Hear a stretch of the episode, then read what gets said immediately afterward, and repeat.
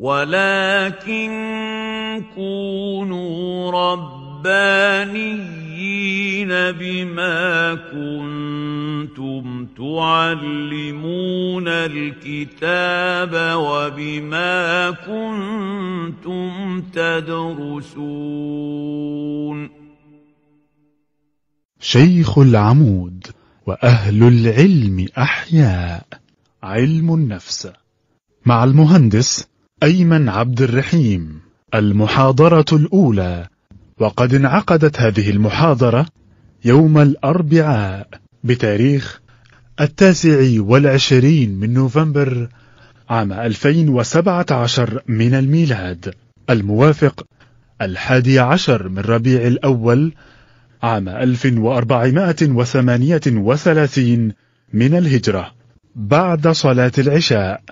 بمدرسة شيخ العمود بحي العباسية محافظة القاهرة. طيب بسم الله والصلاة والسلام على رسول الله الحمد لله الذي علم القلم علم من ما لم يعلم الصلاه والسلام على خير معلم الناس الخير محمد وبعد. الأستاذة كوثر موجودة؟ ليه مالها ما جتش تعبانة؟ أنا قلت أصل ده, ده كانت ندراها يمكن. طبعا إحنا بنحيي جدا الأستاذة كوثر السعداني لأن هي حاولت لمدة سنة إن إحنا نعقد هذه الدورة. يعني وحاولت محاولات بصراحة يعني ناجحة جدا بس يعني هي فشلت معايا. خلاص؟ فإحنا اعتزمنا في نهاية الأمر إن إحنا آآ آآ نعقد لأول مرة دورة حوالين علم النفس مباشرة في شيخ العمود. طبعا إحنا كنا بنتناول علم النفس في كثير من دورات الدورات التعريفيه أثناء الكلام عن العلوم الإنسانية فكنا بنفرد محاضرة واحدة في الغالب أو محاضرة نصف للكلام عن علم النفس. فإحنا أفردنا ليها إيه؟ آه يعني دورة كاملة. الدوره كم محاضرة يا إخواننا عندكم في التوصيف 10 محاضرات. فيعني إيه؟ آه براحتنا. طيب في حد هنا أول مرة يحضر حاجة في شيخ العمود؟ أول مرة؟ اقليه مندسه في حد اتنين نفرين. نفرين كده. طيب الناس إخواننا اللي معانا قبل كده يعني إيه مشرفينا ومنورينا والناس اللي أول مرة يعني مشرفينا برضو منورينا كل سنة وأنتم طيبين. طيب إحنا آه إن شاء الله عايزين نعمل إيه مع بعض في هذه الدورة؟ آه طبعا الكلام عن أحد العلوم الغربية بشكل مباشر. داخل شيخ العمود بياخد بياخد منحى مختلف. يعني إحنا طبعا لينا أربع سوابق تقريبا دي الخامسة آه إن إحنا نلقي داخل شيخ العمود آه دورة حول أحد العلوم الغربية وليس لها أساس شرعي مباشر في التطبيق المعاصر. بمعنى يعني إحنا ادينا قبل كده دورة انثروبولوجي علم إنسان ده الدكتور سامي عمر وادينا دورة فسيولوجي قبل كده وادينا دورة فلك وادينا دورة إيه تاني؟ وادينا دورة إدارة واقتصاد بيديها الأستاذ الشنيطي أو الدكتور الشنيطي ما أعرفش خلصها لسه. باقي له محاضرتين إن شاء الله. آه ودي يمكن الخمسة. إيه الفارق ما بين العلوم معظم العلوم اللي إحنا بنلقيها هنا في في مدرسة الشيخ العمود؟ هو ما فيش فارق من ناحية المظلة. إحنا دايما بنقول إن إحنا بنشتغل في أربع دوائر اللي هو دائرة العلوم الشرعية دائرة العلوم اللغوية دائرة العلوم الإنسانية دائرة العلوم الطبيعية. خلاص؟ إحنا بنغطي كل العلوم بس من وجهة نظرنا إن إحنا شايفين إن كل هذه العلوم هي علوم شرعية إما بشكل مباشر أو غير مباشر. طب الفيزياء تيجي إزاي شرعي أو الفسيولوجي إزاي شرعي هو ده الغريب إن هو على منصة مدرسة شرعية زي مدرسة الشيخ العمود إن يلقى أحد العلوم. الطبيعي كان غريب شوية الفسيولوجي الأنثروبولوجي يعني متقارب شوية مع العلوم الإنسانية ممكن ربطه مع التاريخ مع علم الاجتماع علم نفس نفس الحكاية. ليه بنقول علم النفس غريب شوية؟ لأن إحنا بنتناول علم النفس الحديث. علم النفس الحديث آه كلمة حديث دايما يا إخوانا كلمة فيها قدر كبير من المغالطة يعني علم النفس الحديث ده آه ليه 200 سنة مثلا. بس هو حديث. عبد الرحمن آه فإحنا بنقول إيه؟ الغرابة إن إحنا هنتناول علم غربي يكاد يكون في نشأته وموضوعاته وكل المساهمات تقريبا فيه تنتمي ل العالم غير الإسلامي ولأفراد غير مسلمين. لكن إحنا لما بنيجي نتكلم عن نحو الصرف البلاغة الفقه أصول الفقه التفسير كل العلوم الشرعية المباشرة. فإحنا بنتكلم عن علم إسلامي علم إسلامي من ناحيه من ناحيه النشأ من ناحية النشأة من ناحية الرموز من ناحية العلماء من ناحية المباحث من ناحية التاريخ كله مسلم. خلاص. العلوم الغربية أو أو سواء طبيعية أو إنسانية أو اجتماعية هو قدر الغرابة فيها إن إحنا إيه ممكن نتناول علم آه، مش هنجيب سيرة حد مسلم خالص. إحنا شغالين. كلهم كفار في الغالب اللي إحنا هن- هنجيب سيرتهم يعني.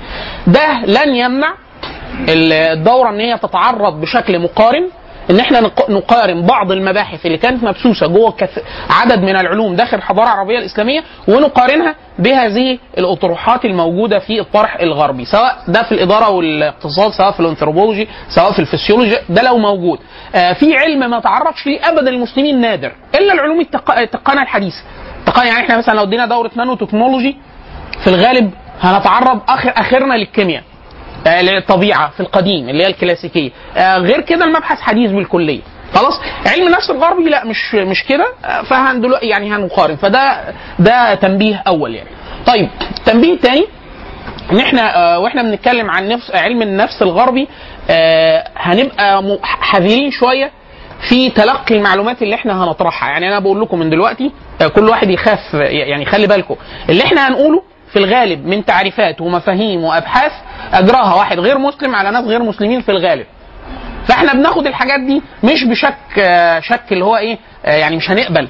لا شك يعني شك منهجي اللي هو إيه لحظة كده آه، الكلام مش بسهولة. إيه السبب؟ إيه السبب؟ ده هنقوله أثناء ال- ال- الدورة. يمكن وإحنا بنتناول كل مفهوم إحنا ممكن نقول إيه الخطورة هتدخل على هذا المفهوم منين؟ بسبب عدم إسلامية أو عدم إسلام صاحب المفهوم أو آه، صاحب ال- التجربه أو كذا. طيب الكلام عن مصطلح علم النفس آه، اللي إحنا في المحاضرة دي عايزين نغطي إيه؟ عايزين نغطي آه، جزء متعلق بتاريخ آه، علم النفس مطلقا الإرهاصات علم النفس الغربي أو الحديث وعايزين نتكلم عن نشأة علم النفس الغربي والحديث اللي إحنا هنتكلم عنه في في الدورة وعايزين نتكلم إسقاط المبادئ العشرة للعلوم اللي إحنا بنتناول بها معظم العلوم الشرعية محاولة إسقاطها على آه، علم النفس. اللي إحنا بنقول محاولة إسقاطها؟ لأن ده مش مدون في القديم. فما فيش كتاب قديم هنلاقي فيه كلام عن علم النفس الغربي المعاصر اللي هو نشأ دلوقتي أو من 100 سنة أو من 200 سنة تقريبا 1879 ده اللي إحنا هنحاول إن شاء الله نغطيه في في في المحاضرة الأولى. طيب الكلام عن علم النفس كمصطلح اللي هو السايكولوجي الكلام هو آه، المصطلح قديم. لأنه من أصل لاتيني. كلمة سايكو أو ما يوازيها في اللاتيني أو جذرها آه، بمعنى الروح. ده مست- مصطلح ملبس وخاصه عند ترجمته لأن إحنا عند الكلام عن النفس ممكن. عند الكلام عن الروح مش ممكن لأنه كلام عن ملوش معنى قوي بالنسبة لنا كمسلمين لأنه إيه؟ ليه وضع خاص داخل القرآن أو داخل الخطاب القرآني. قل الروح من أمر ربي فالمسألة مش مش قابلة للبحث قوي يعني. خلاص؟ ف ولوجوس أو الأولوجي اللاحقة. أولوجي إذا ألحقت بأي شيء في ال في ال- في العلوم الغربية أو في في اللغات اللاتينية فإحنا في الغالب بنتكلم حوالين كلمة علم. فأي شيء نحط حواليه آه، يعني مثلا انثروبولوجي بيولوجي آه، سايكولوجي سوسيولوجي فاللاحقه لو- ology دي يعني إحنا بنتكلم عن علم. طيب آه، المصطلح قديم. قبل الاستخدام المعاصر آه في فلاسفة كتير آه، في. يعني فلاسفة يونانيين وبعض ال- الحضارات الشرقية استخدموا داروا حوالين المصطلح. طيب الناس كانت بتتكلم في القديم. قديم يعني كلمة قديم دي إحنا بنتكلم 4000 سنة 5000 سنة في التاريخ الإنساني المدون. آه بيتناولوا حاجات متعلقة بدراسة النفس الإنسانية؟ آه. يعني عندنا مثلا آه ال- الديانات الآسيوية الق- ال- القديمة أو الشرقية القديمة ما فيش في حاجة فيهم إلا ما هي متمركزة حوالين مفهوم ما للنفس. يعني مثلا عندنا آه بعض الديانات القديمة آه فكرة اللي هي الثنائية العالم كله ثنائي فيه روح أو نفس شريرة ونفس خيرة اللي هو إيه؟ الاثنان إيه؟ زي الين واليانج أو ما يوازيهم في بعض الأطروحات في الفلسفات سواء الزرادشتية أو البراهمة أو الهندوسية أو البوذية فكرة إيه؟ النفس الشريرة أو النفس الخيرة والصراع الدائم اللي هو في الآخر حد هي يعني الصراع هيميل لكفة حد حد هيكسب أو تصور النفس ال- النفس ال- المتحولة فكرة تناسخ الأرواح اللي هو إيه إن النفس دي شيء موجود بعد كده بتقعد أنت حقبة من الزمان بعد كده بتتغير وبتتبدل وبيتعاد تشكيلك على حسب أنت كنت بتعمل إيه. فلو أنت كنت بتعمل حاجة خيرة بمعايير معينة للخير داخل هذا التصور العق- العقدي أو الدياني أو الفلسفي فأنت إيه؟ هتتسخط حاجة كويسة. يعني أنت لو إنسان كويس آه، هتت ممكن ممكن تبقى آه، بجعة آه، أوزة يعني حاجة آه ما هو أنت في الآخر هتتسخط حاجة جوه الطبيعة. أو ترجع بني آدم ممكن. لو أنت إنسان آه، سلوكك مش منضبط صرصار آه، خنفسة بتاع آه فعلا حاجة زي كده. ده الإيه؟ ده, ده ده أحد التصورات. في بعض التصورات زي التصورات الفرعونية. آه، التصورات الفرعونية إن فكرة إن إن النفس دي أبدية. ما فيش حاجة اسمها تفنى. لا أنت تموت لا ده موت يعني في ثنائية واضحة ما بين الجسد والنفس اللي هي أو الروح. خلاص؟ آه الروح دي أو النفس دي هتفنى لا مش هتفنى. الجسد ده هيبقى بس هتغادره فترة وبعد كده ترجع يركب على هذا الجسد ويتحاسب على اللي كان عمله وكمان هيعيش حياة معتمدة على أفعاله. برضه نفس إيه؟ الفكرة دايما إحنا بنقول تصورنا إحنا كمسلمين التشابه المهول جدا ما بين الأفكار مع التباعد الجغرافي له ما يبرره داخل اعتقاد المسلمين وهو بقايا الديانات. إن كل الناس أصلها أصل التوحيد فبعض المفاهيم المبثوثة داخل الإسلام الذي بعثت به الرسل اللي هو التوحيد توحيد الله عز وجل والإقرار بالصانع والإقرار بالمعاد والإقرار بالأركان الأساسية في الإيمان في الإسلام دي لم تتغير من أي أمة لأمة. ال- ال- الدل على الله عز وجل وإن هو صانع خالق قادر قيوم صفات الله عز وجل.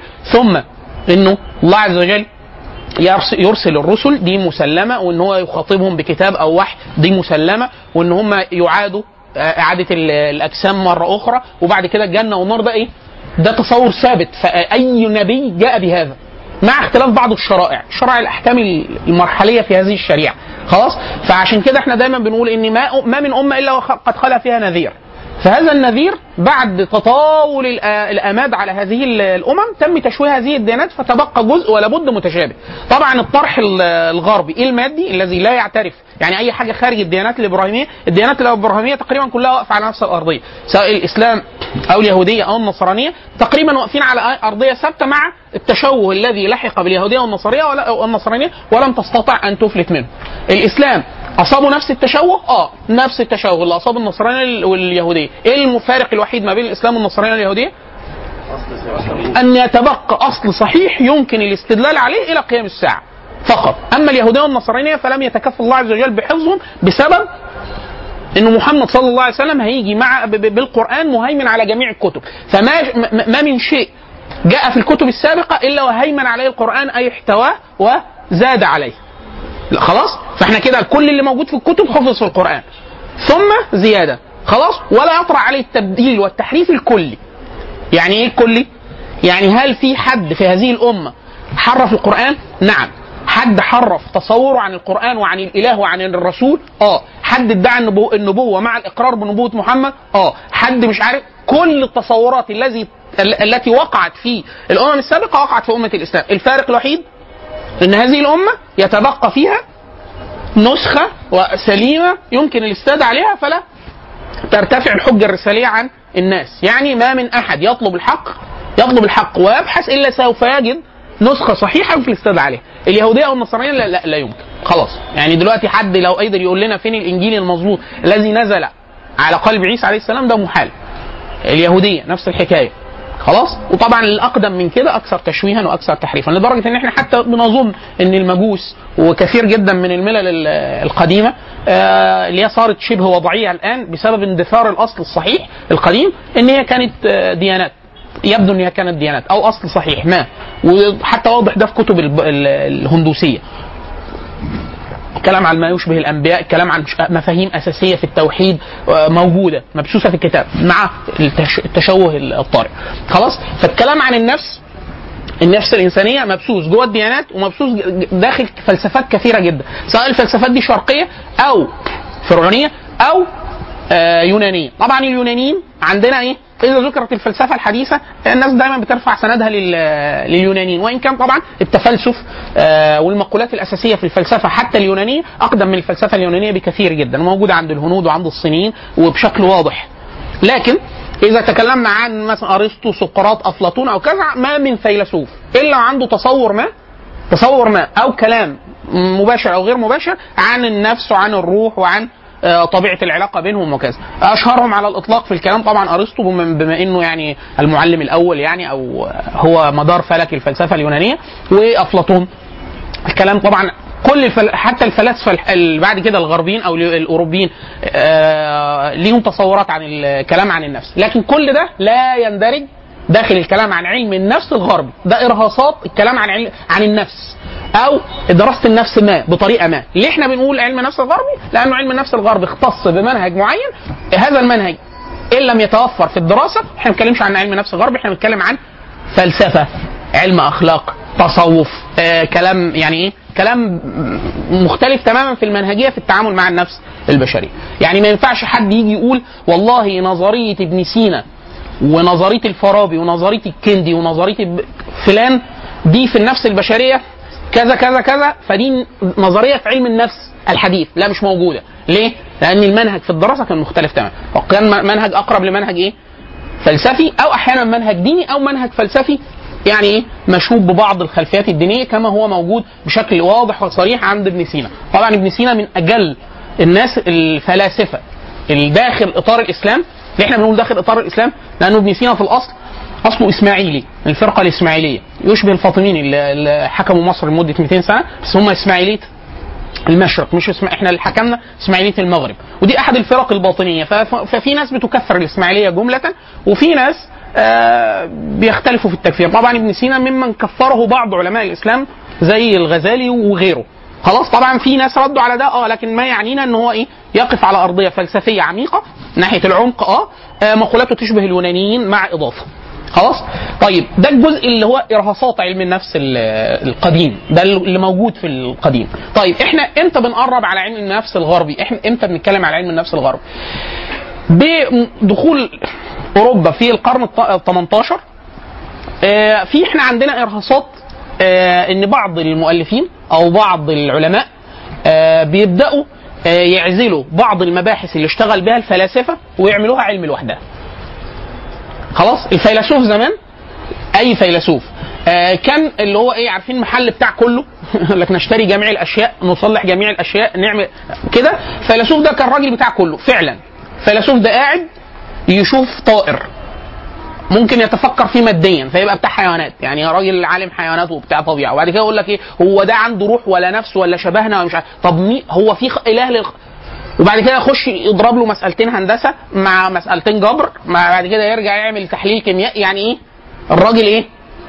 بيتكلم في كل حاجة. الراجل الفيلسوف ده قاعد فضي دماغه ملوش شغل ولا مشغلة. زمان كلمة سكول اللي هي جت بعد كده منها المدرسية يعني أو المدرسة دي كانت بتتاح للناس آه علية القوم في اليونان اللي هو لا لا يضطر للعمل بنفسه. فيبقى عنده وقت يروح للحاجة اللي بيقعدوا فيها فاضيين يمارسوا أنشطة ذهنية غير مادية أو غير يعني مش بتاع حرفة وبتاع اللي هي المدارس بتاعت الناس الفاضية. خلاص؟ فده في, اليونانيين. فالفلاسفة كانوا كده. باقتراب أوروبا من القرن ال 18 كل مبحث كان الفلاسفة بيشتغلوا بيه جت مجموعة من الناس سطت على هذا المبحث وغيرت زا- ازالت الجزء بتاع المنهج الفلسفي في التعامل وغيرته ناحية العلوم الطبيعية يعني إيه غيرته ناحية العلوم الطبيعية؟ قالت والله آه، الراجل الفيلسوف ده ملوش مسكه. يعني إيه؟ يعني أنا عايز أقول له اللي أنت بتقوله صح ولا غلط. مفيش مستحيل. ليه؟ ده بيقول لك كلمة التفلسف هو التفكير الحر. التفكير الحر من أي قيد. فأنا همسكه إزاي؟ يعني أقول له أنت بتعمل بتقوله اللي أنت بتقوله غلط، غلط ليه؟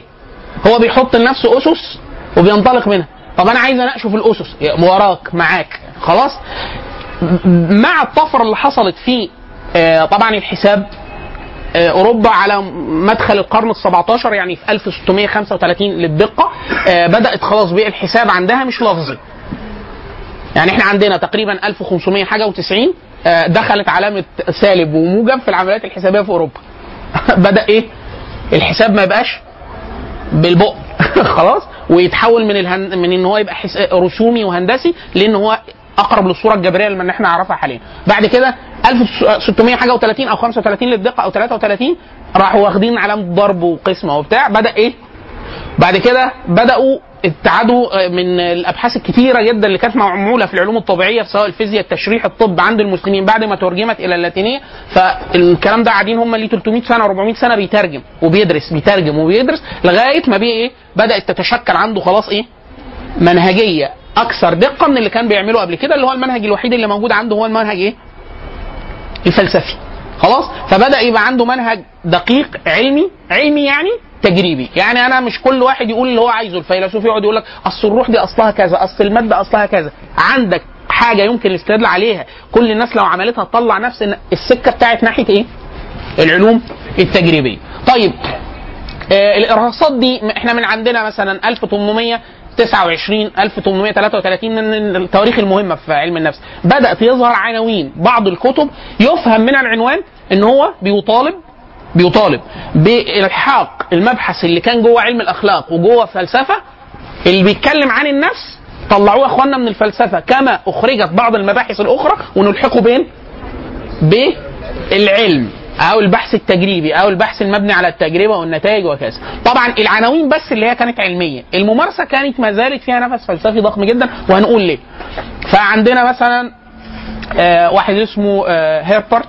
كان ليه الكلام اللي هو إيه مقدمة لعلم النفس بوصفه علما كتاب بهذا العنوان.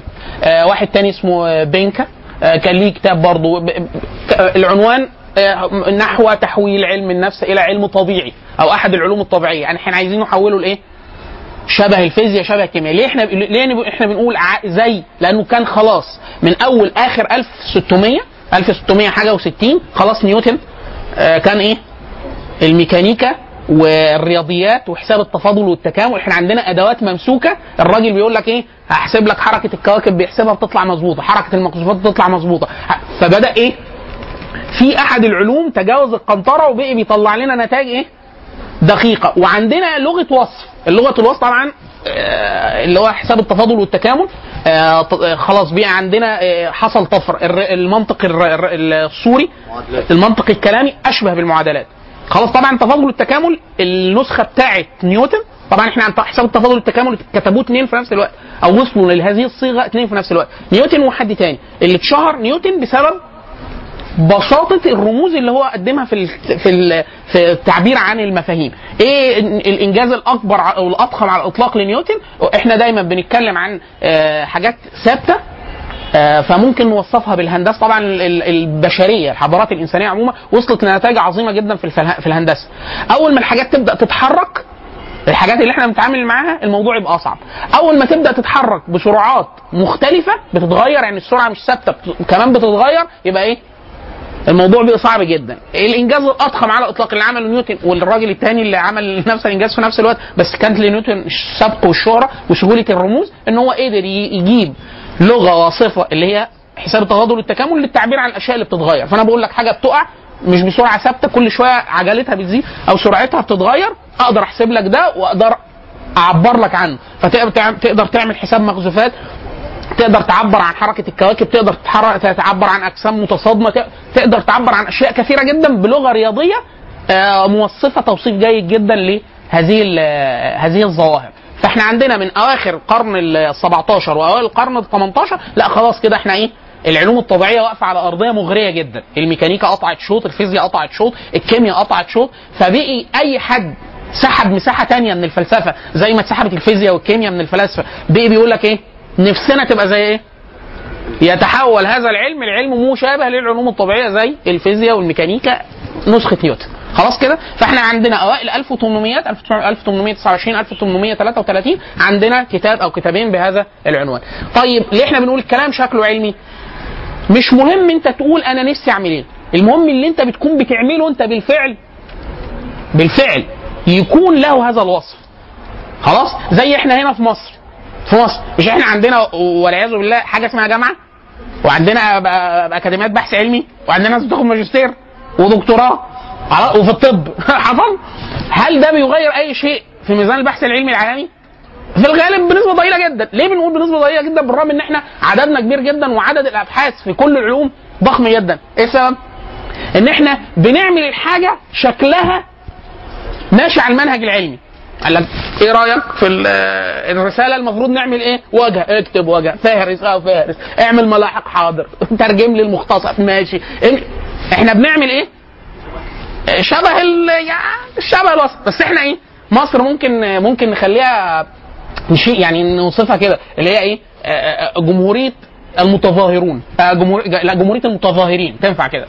ليه المتظاهرين ان إحنا إحنا نازلين من البيت. بن إحنا بنتظاهر ان إحنا رايحين المدرسة. صح كده؟ والمدرسين وهم رايحين المدرسة بيبقوا تظاهروا ان هم رايحين يدرسوا. للطلبه ووالدك ووالدتك بيدفعوا فلوس. يلا هتفوتك وهم بيتظاهروا إن هم يعني داخلين في السسبنس لكن هم عارفين يقول لك إيه؟ هو المدارس فيها تعليم. ده ده الله يا حاج طب ما أنت لسه دافع المصاريف وبتاع.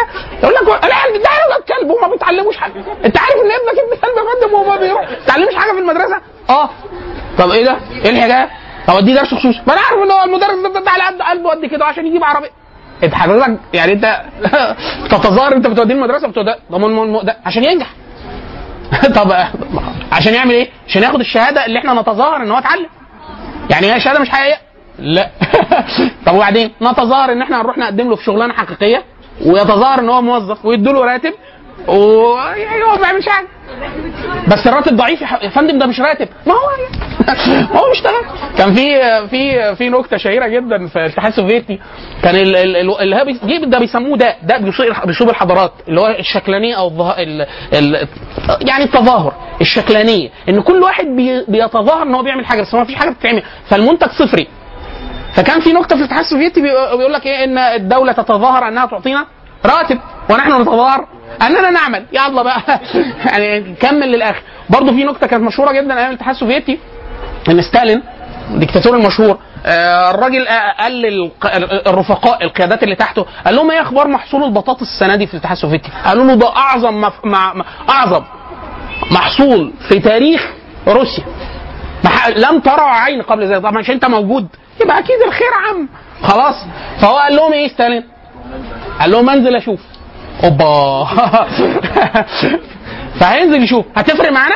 تفرق في أستاذة؟ ابدا. هات الزرع. إحنا المكان ده ما فيهوش شجر. هنيجي نزرع شجر النهارده وهنشيله بكرة. بس هنتظاهر إن إحنا زرع. فستالين نزل. فقال لهم إيه؟ أنتوا لا ممكن تكذبوا عليا. أنا أنزل أسأل فلاحين. موضوع.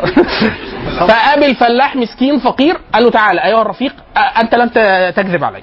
أنت الوحيد اللي هتكذب. إيه أخبار محصول البطاطس السنة دي؟ فقال له أعظم محصول بطاطس ظهر في تاريخ روسيا. فقال له والله يعني وص- اوصفوا لي شكله إيه؟ قال له لو حطينا كل البطاطس فوق بعض تصل إلى الله. فاستنى قال له ايها الرفيق. وهل هناك إله؟ هما الاثنين كفار. ما ده شيوعي ده شيوعي ده. فقال له هل هناك بطاطس؟ مش أنت بتسأل على عارف الله؟ قال له مفيش الله. مفيش بطاطس. مش أنت كافر يا فندم برضه؟ لا لا تأكد الأول. مش حضرتك كافر؟ آه مفيش بطاطس. البطاطس نفس وجود الإله يساوي وجود البطاطس. خلاص كده. ففكرة التظاهر بالمنهج العلمي في ناس قالت لك إحنا عايزين نحوله العلم زي الفيزياء. هل رغبته أو أحلامه أو أمانية طيبة زي ما إحنا بنقول إيه إحنا عايزين نذاكر؟ أول ما يبدأ نخلص امتحانات الترم الأولاني يقول لك إيه؟ اللي حصل في الترم الأولاني ده. بنقعد كده سبع سنين أنا بقى أنا مثلا ليا 20 سنة بتعلم لغايه كل سنة بعمل الحركة دي. الشهر ده شهر الحسم شهر الحسم ده ليه 20 سنة؟ شت يا فندم ما بيجيش.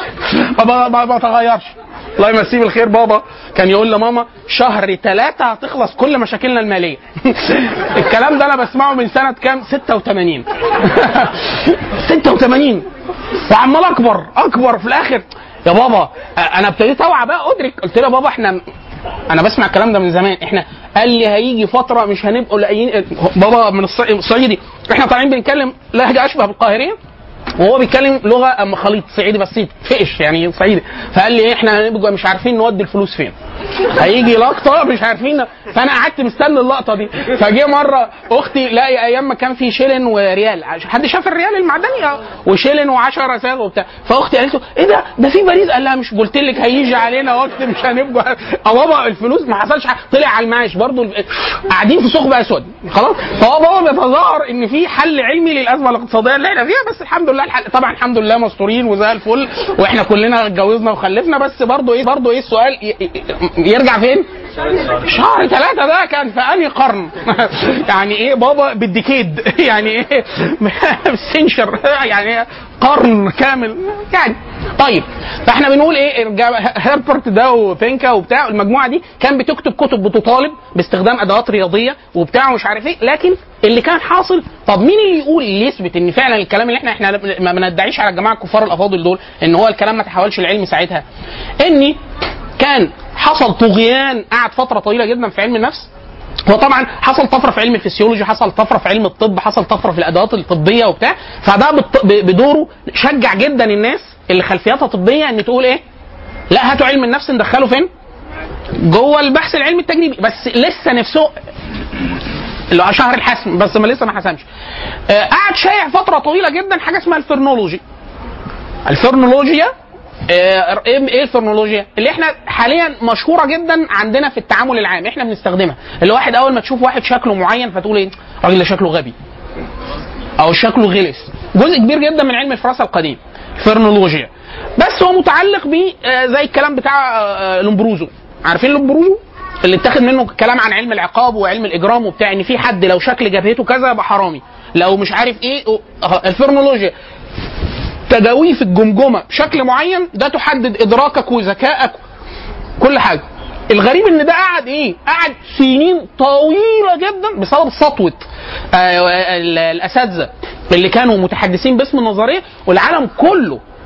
وباسمهم بيتكلموا عن علم النفس التجريبي ويجيب جماجم ويقيسوا والنص القطر وعرض مش عارف إيه. الكلام كله إيه طلع في الآخر طبعا إيه؟ كلام أي كلام أي كلام فارغ. طبعا كل ده قبل نشأة علم النفس الغربي الحديث. ليه إحنا بنقول قبل نشأة لأنه الكلام ده مش تجريبي ومش صحيح ومش دقيق بس كان شكله شكله شكله حلم أو حلو أو علم يعني طيب. من إمتى إحنا بنتكلم عن آه، آه، علم النفس الغربي؟ عام 1860 تقريبا. في واحد اسمه جوستاف فيخنر. 1860 الرجل عمل كتاب اسمه آه، عناصر ال- ال- السايكوفيزيقيا 1860 آه، يعتبر هو الجذر الحقيقي لعلم النفس التجريبي. الكاتب اسمه جوستاف فيخنر. كتاب اسمه عناصر سايكو فيزيقيا سايكو سايكو.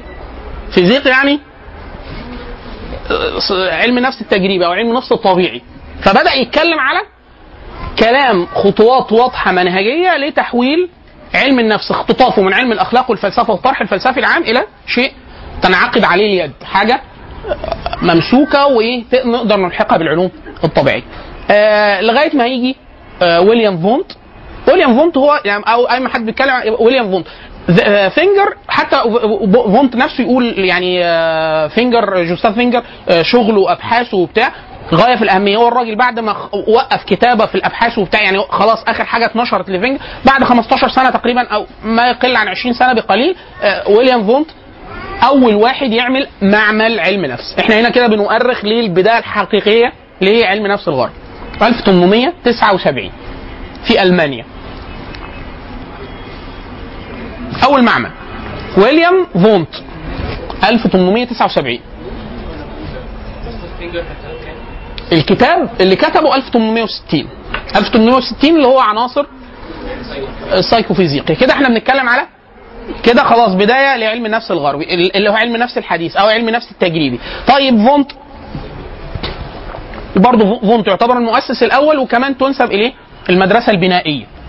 هو يعرض طبعا هنتكلم في آخر يعني في أثناء المحاضرة عن خمس أو ثمان مدارس كبرى في علم النفس. طبعا علم النفس مليان نظريات ومليان مدارس كبيرة لكن هنتكلم عن ثمان مدارس كبرى أساسية. أولها على الإطلاق هو أبو أبو البنائية اللي هو مين؟ ويليام فونت بالمعمل بتاعه ده. خلاص؟ طيب إحنا هنا بنتكلم عن إيه؟ إيه؟ البنائية. علم المدرسة البنائية. أبو المدرسة ويليام فونت في ألمانيا. طبعا ال- ال- ال- الألمان قعدوا فترة لغاية يمكن ألف أوائل 1900 حاجة و30 كانت اللغة حتى اللغة الألمانية هي هي لغة العلوم. يعني الإنجليزية الطفرة اللي هي فيها دي حادثة. آه، من الحاجات اللي حصلت موازية للحرب العالمية الثانية إن الدول ال- الحلفاء لما خدت إجراءات ضد دول المحور وعلى رأسهم طبعا آه، ألمانيا فحصل مقاطعة علمية للألمان وللغة الألمانية اللي ما زال كان موالي للحزب النازي فحصل خفوت. للغة الألمانية في الوضع العلمي وطغيان أو زيادة متدرجة للغة الإنجليزية لغاية ما اللغة الإنجليزية صارت هي إيه؟ يعني اللغة الحاكمة. حاليا دلوقتي ما حدش بيتكلم عن أي حاجة تتعلق بالبحث العلمي أو المؤتمرات أو الورق العلمي إلا بيتكلم عن اللغة ال- الإنجليزية. فالصعود كان مفاجئ وسريع. يعني تقريبا في خلال 70 سنة من دلوقتي من 80 سنة مثلا الإنجليزية خدت كل المساحة اللي بتشغلها حاليا في الحيز تقريبا أكتر من حاجة و80% من كل الوثائق أو المحتوى بتاع الإنترنت باللغة الإنجليزية. مع إن اللغة الإنجليزية من حيث التعداد.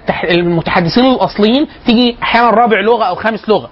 يعني المندرين داخلين جمعية وقابضينها الأول لوحدهم. الصينيين اللي هي اللهجة ال- ال- الصينيين مليار و500 مليون 900 مليون بيتكلموا مندرين لهجة واحدة. فدول لوحدهم. يعني ما بعد كده الإسباني أحيانا بعد كده العربي في بعض الإحصاءات والإنجليزي في بعض الإحصاءات. خلاص طبعا لما بيتضاف المتحدثين باللغة كمتحدثين آه، كلغة ثانية لا الإنجليزية بتطلع فوق الصيني لأن الصيني وإن كان الناس بدأت تتعلم صيني كتير حاليا. طيب آه فونت وتلامذته أشهرهم على الإطلاق واحد اسمه تيتشنر. آه، الرجل جه خد الكلام ودرس اللي درسوا عليه في ألمانيا في المعمل الأول ده وانتقل بهذا العمل أسس أول معمل في أمريكا. 1892 إحنا عندنا تيتشنر راح أمريكا. الكلام اللي درسوا على آه، فونت بنفس المنهجية. طبعا الأمريكان هيعملوا طفرة في علم النفس وهيعملوا آه، آه، مدارس كبرى كمان وهتفضل مسيطرة على البحث السيكولوجي فترة طويلة جدا. آه، تيتشنر 1892 هيؤسس أول معمل في أمريكا اللي هو بعد أول معمل في آه، في ألمانيا. طيب آه، لما بنيجي نتكلم على البداية يبقى إحنا بنتكلم خلاص كده العلم آه، هو ده اللي إحنا بنتكلم عنه دلوقتي. أو امتداد ليه مع كثير من التحويرات والمداخلات كحال أي علم. آه، لما بنيجي نتكلم على تعريف العلم اللي إحنا بنتكلم عنه هو أحيانا باختصار كده يقولوا علم السلوك. علم السلوك. أو هو العلم الذي يدرس السلوك الإنساني وما وراءه من عمليات عقلية. كده إحنا بنتكلم عن علم النفس الغربي الحديث من أول فونت وإحنا جايين. طبعا هيحصل نقود شديدة جدا لكل مدرسة. كل مدرسة بتظهر بتنقد المدرسة اللي قبلها لكن كل الناس بتدندن حوالين حوالين هذا التعريف. طبعا في تعريفات كثيرة جدا لعلم النفس بس إحنا بندندن حوالين ده. علم دراسة السلوك الإنساني وما وراءه من عمليات عقلية. خلاص؟ فأنا بدرس السلوك الإنساني الظاهر بالنسبة لي وأكيد السلوك ده وراه شيء. فأنا عايز أدرس إيه؟ هذه العمليات إيه؟ المعرفية والعقلية اللي وراه فلا ولو إحنا عايزين نختصر المساحات اللي بيتكلم عنها علم النفس هنحس... هنقس... هن- هنقسمها إلى ثلاث مناطق أساسية بس دي إحنا هنقولها أثناء الكلام عن الترتيب بتاع المبادئ العشر. لو إحنا عايزين نضع المبادئ العشر علم النفس الغربي بالترتيب. ما هو هنقول دلوقتي إحنا دايما إحنا بنقول المتن الم... ال- النظم المشهور جدا ل ال- الإمام الصبان على شيخه الملاوي في شرح سلم المنورق لما قال آه، ان مبادئ كل فن عشرة الحد والموضوع ثم الثمرة المبادئ العشرة المشهوره فالمبادئ العشرة لعلم النفس لو إحنا هنطبق نفس الكلام الحد هو تعريفه هو العلم الذي يدرس السلوك الإنساني وما وراءه من عمليات عقلية. ده تقريبا تعريف مرضي عند معظم الدارسين آه، لعلم النفس الغربي طيب ده الحد. الاسم. إحنا إما بنقول علم النفس أو علم السلوك في ناس أحيانا. بتحاول تقترح حد من أساتذتنا اللي درسونا في عين- في عين شمس كان يقول إحنا عايزين نحوله لعلم علم الوعي. مش إحنا لأن كلمة النفس ملبسة جدا. هي إيه؟ إيه النفس؟ الوعي في كلام عن الوعي وليه آه، محكات. محكات ممكن الكلام لو أنا آه، آه، أقدر أوصل بيها في وعي مفيش وعي درجة الوعي قد إيه وكذا لكن كلام عن النفس ملبس شوية. فبعض الأساتذة كانوا يقول إحنا عايزين نغير اسم العلم.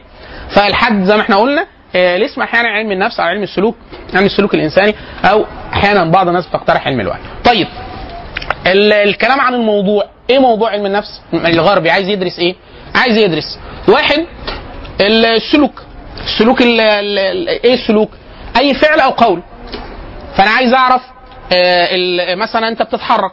فأنا عايز أعرف الحركة دي أنت بتتحركها إزاي؟ أنا عايز أدرس الحركة دي. خلاص؟ أو الأقوال اللي أنت بتقولها. فالفعل أو القول ده داخل جوه إيه؟ السلوك. أو عايز أدرس العمليات الإيه؟ الماورائيه اللي هي العقلية والمعرفية. فعايز أدرس التذكر قدرة على التعلم الانتباه الإدراك آه، ده كله داخل ده الاهتمام العقلية والمعرفية. وعايز أدرس الحالة الشعورية أو الوجدانية أو الانفعالية والثلاثه غير بعض. على الأقل عنده بتوع علم النفس. يعني الشعور عندهم غير الوجدان غير الانفعال غير المزاج. غير الإدراك. ممكن أنا أتعرض ليهم طبعا أثناء الكلام يعني. خلاص؟ فهو دي ثلاث مساحات أساسية. يبقى السلوك أي فعل أو قول والعمليات العقلية والمعرفية وعايز يتعرض ل الشعور والانفعال والوجدان. يبقى كده إيه؟ غطى الثلاث مساحات اللي ممكن كده. لو غطاهم بالبحث يبقى هو كده تقريبا. تقريبا. آه غطى معظم إيه؟ طيب آه معظم المدارس اللي إحنا هنتكلم عليها آه أو اللي ظهرت لغاية آخر من اخر من أواخر الأقسام التي ألحقت بعلم النفس تقريبا هي كلها دا دا داخله داخل علم نفس المرض أو علم نفس عدم السواء. يعني هو بعد ما بيحلل بيتعامل, بيتعامل مع الثلاث مناطق دول كل المناطق دول في الغالب معظم مدارس علم النفس كانت بتدرس عدم السواء. معظمها. ليه إحنا بنقول معظمها؟ لأن إيه؟ يعني النسبة تقل أو تكثر. حاشا علم النفس الإيجابي هو من آخر ال- الأقسام أو ال- المدارس ال- اللي انضمت إلى أقسام علم النفس في الجمعية الأمريكية. هو دراسة لا إحنا ليه بندرس عدم السواء؟ طب ما ندرس إيه؟ مكامن القوة. يعني أنا ليه أستناك لغاية ما تكتئب؟ يعني ما تلحقوا أخوانا قبل ما يكتئب. خلاص؟ طب ليه ما أستناك لغاية ما يحصل لك اضطراب في الوعي أو الانتباه أو الادراك أو كذا؟ طب ما أنا أدور على مساحات إيه؟ الفاعلية والدافعيه للإنجاز والسعادة والصلابة النفسية والمرونة النفسية. يعني أنا ليه أدور على عدم السواء؟ طب ما أنا أدور على السواء ومناطق القوة واقويها اللي هو بتاع سيلجمان تقريبا بنتكلم على من من أو- 1998 أو 2000 آه، تم تأسيس ما يعرف بعلم النفس الإيجابي. خلاص؟ دي يمكن الوحيدة اللي هي عكس معظم الطرح أو هكذا تدعي المدرسة نفسها أو يدعي سيلجمان أو المتحدثين داخل علم النفس الإيجابي بأن معظم النقود الموجهة لكل الطرح العام داخل علم النفس يعيبها بالأساس إن هي بتتكلم عن حالة أو منطقة عدم السواء. ما بتتكلمش عن مناطق إيه؟ ال- القوة والسواء والسعادة. أنت بتتكلم عن الاكتئاب والحزن والخوف والقلق. طب ما اتكلمنا عن السعادة والإنجاز والفرح والبهجة. يعني ليه الكآبة دي؟ يعني؟ إيه ليه هم مستثمرين عشان العلماء دول يعني؟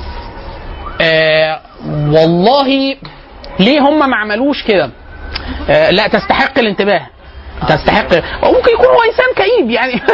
لكن لا لا سؤالك لا السؤال سؤال سؤال مهم جدا. ليه الإنسان ليه هم معظم المدارس معظم الناس آه، كانت تروح فعلا لع- لع- لع- لعدم السواء؟ مش السواء.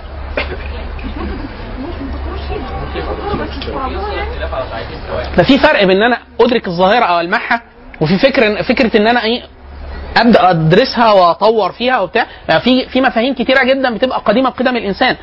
لكن تلاقي العلم من إم- امبارح حد بدأ ك... وأنت هو إيه؟ الناس دي أول مرة حد ينتبه. لا مش فكرة ينتبه. لا إن هو ينتبه آه. زي إحنا بنقول الطروح من 1829 و 1833 ففي كلام عن تحويل علم النفس لعلم طبيعي أو علم تجريبي. لكن هل فلحت؟ لا فكرة إن هو بقى إن يكون يكون الدعوة المن- المنهج مطابق للاجراء الحقيقي على الواقع. اتفضلي. آه لا اللي انت بتقوليه ده عند بعض المدارس. في طبعا في بعض المدارس هتعمل إيه؟ لما إحنا نقول مدرسة أو مذهب حتى في عندنا في الإسلام مذهب فقهي أو عقدي يبقى هنتكلم على إيه؟ منظومة قواعد كاملة ومجموعة مصادرات بينطلق منها. يعني في مدارس هتبدأ بسم الله الرحمن الرحيم تقول لك اوعى تكلمنا عن أي شيء لا يمكن قياسه. يلا. طب يا بيه طب إحنا مثلا الوعي الشعور اللا شعور. يقول لك يلا يلا يلا. فيش ما تكلمنيش عن لا شعور. يعني في مدارس مثلا مدرسة سلوكية.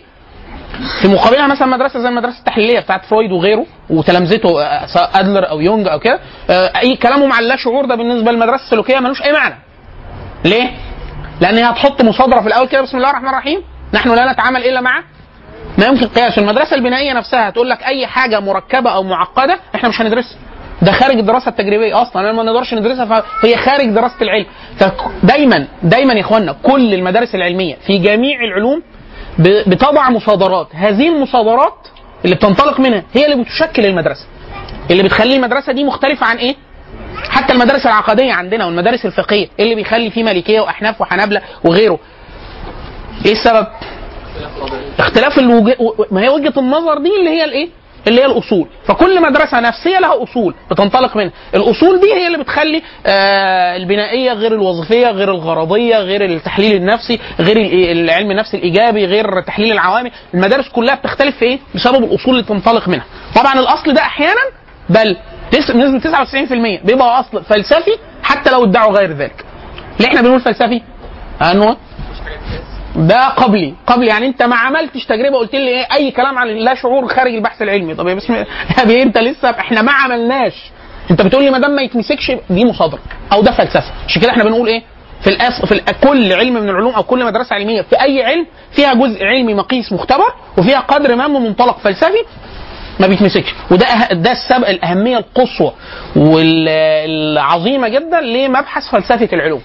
وإلا الكلام عن العلم نفسه المسائل آه واسع. الفلسفة لا هي دي الايه فلسفة العلم هي اللي بتخلي إيه؟ يحصل طفرات كبيرة جدا في العلوم لأن في مدرسة بتيجي بتنقض أصل فلسفي من المدرسة اللي قبلها. أول ما بتنقضه بتعمل إيه؟ بتعمل نقلة كبيرة جدا للعلم بسبب إيه؟ إن جت عند أصل وتبينت فين المغالطة الفلسفية اللي فيه. أو حتى مش لازم تكون مغالطة التشكك. فبيروح نقله إيه؟ لمساحة بحثية إيه؟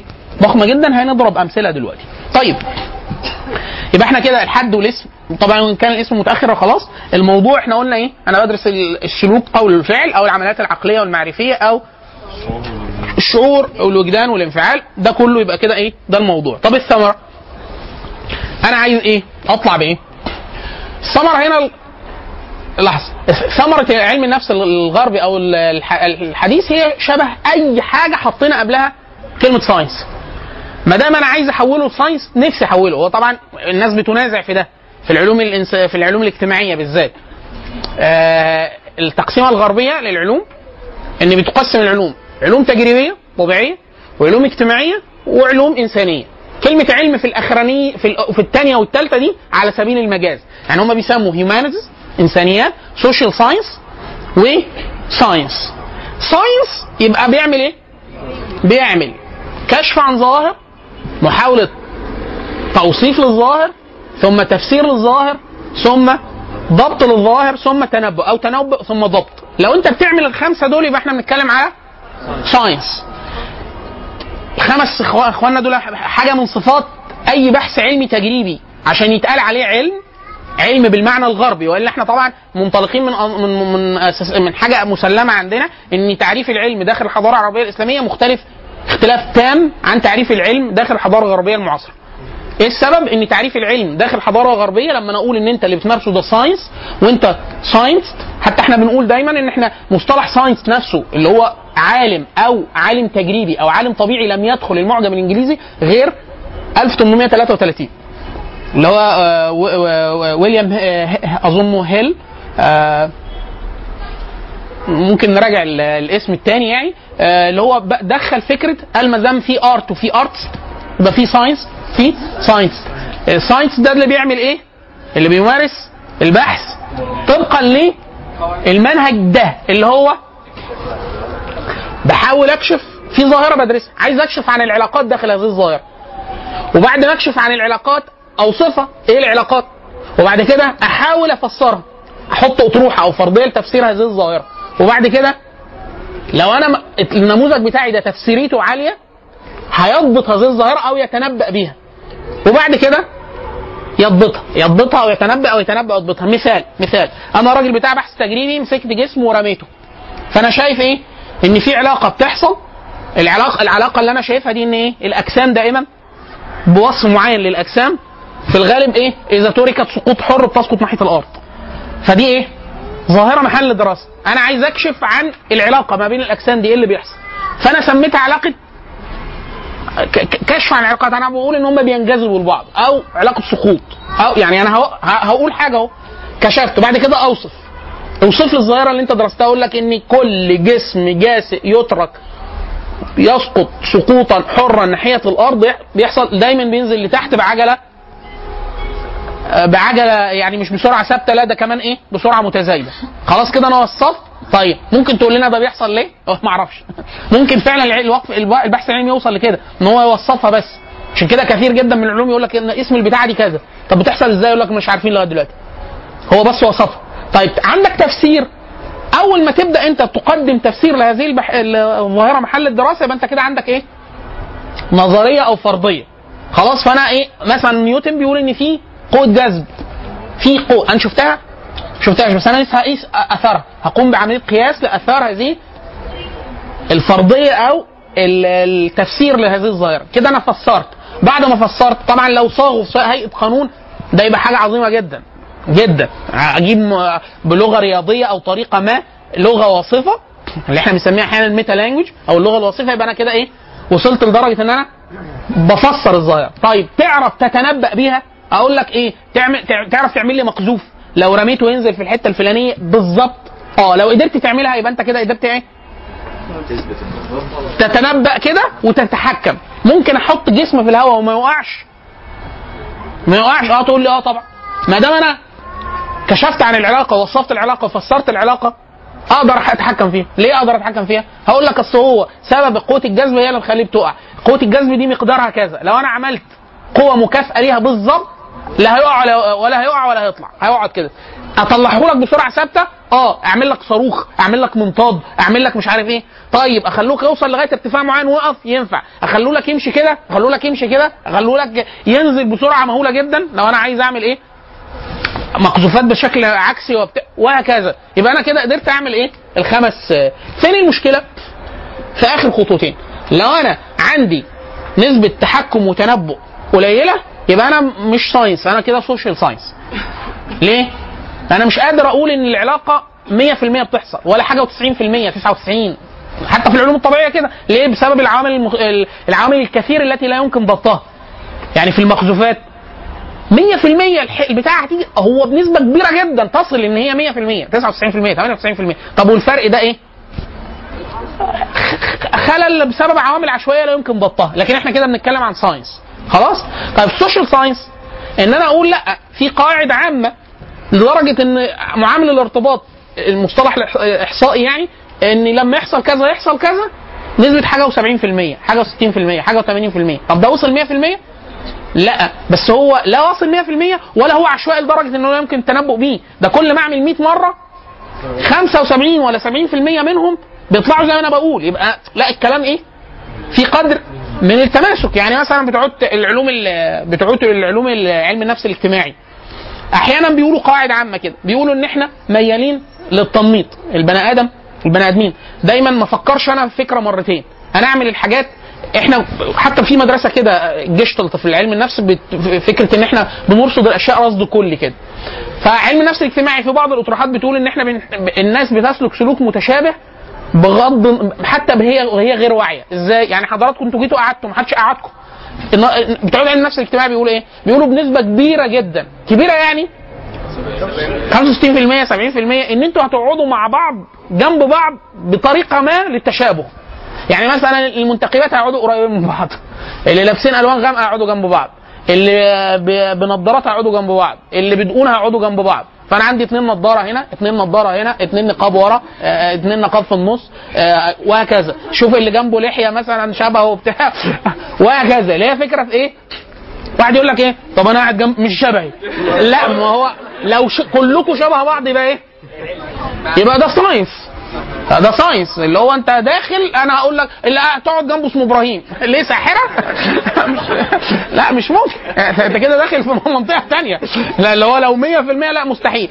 ان أنتوا في الغالب هتسلكوا سلوك إيه؟ طب ده يمكن ان إحنا نبني عليه شيء مقيس مختبر؟ آه بس بنسبة 70 75% إزاي؟ الإعلانات. معظم الإعلانات مبنية على علم نفس. ليه؟ أي منتج بيتباع للستات بيبقى الموديل رجالة. أي شيء بيتعمل الرجالة اللي هيشتروه في الغالب ستات هم ال models اللي يعني أنا مثلا هشتري عربية BMW. دي عربية. يعني إحنا بنتكلم عن سرعة موتور كفاءة تكييف وبتاع. لازم المو... اللي تعلن عنه بنت ولازم تكون حلوة. واحد يقول لك طب إيه علاقة ده؟ سبحان الله ده سايكول ده علم نفس إيه علم نفس الجنس الج- الج- الأجناس يعني الذكور بيفكروا إزاي الاناث بيفكروا إزاي. فلو هو وصل لنتيجة إن الرجالة لما بيشوفوا أي حاجة في المضمون فيها ست بينتبه حطها له. خلاص؟ طبعا هو في أبحاث بتقول إن أحيانا ده بيبقى مضر. ليه؟ لأن الرجالة بنسبة 85% بيقول له آه، فاكر الإعلان؟ يقول له اللي كان فيه البنت. كان بيعلن عن إيه؟ يقول له مش فاكر. فاكر البنت. فهو هو شد جذب انتباهه. كده علم ولا مش علم؟ علم ولا مش علم؟ علم. ده مبني على بيو- بيولوجي وفسيو يعني هتبص يعني هتبص. خلاص. وهتنتبه يعني هتنتبه. لكن مش عارف ان إحنا بنبيع عربيه أنتوا بتبيعوا إيه؟ أنا جاي أنا أنا شاري. أنا أنا داخل أنا شاري إن شاء الله الموضوع. بس هو إيه؟ مش عارف. خلاص؟ طيب.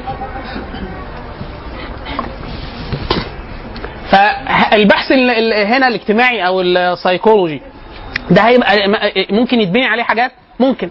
لكن مش بنفس ضبط طبعا العلوم إيه؟ لا الفيزياء ولا الكيمياء ولا الميكانيكا ولا الم... ده. لكن ما ينفع ما م... م... مش مش عشوائي تمام. قولي سؤالك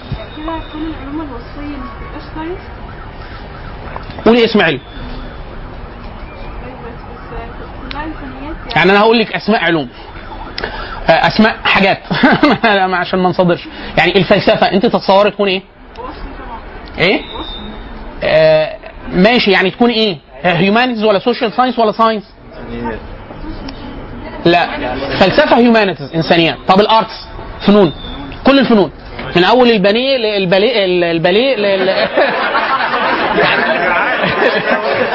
الجوع برضه مؤثر. من أول البانيه من أول الباليه لل... للرسم للموسيقى لكذا. ده إيه؟ art ده humanities خلاص؟ طيب التاريخ. إنسانيات. طيب ال linguistics أو ال- اللسانيات. دي كلها humanities اللي أنا قلتهم لك دول كلهم إنسانيات. ده ما يخشش المعمل. ما دخلش المعمل. مش هيخش المعمل. ليه؟ لا. في أحيانا الناس بتحاول تحول بتحول اللسانيات لعلم. بتحاول. عشان كده يقول لك إيه علم اللغة اللي هو بيدرس مش عارف إيه وبتاع. بس يعني ده أملهم. في كتاب لطيف جدا للدكتورة آه، يمنى طريف. يمنى طريف الخولي. أستاذة الفلسفة أستاذة كبيرة جدا طبعا.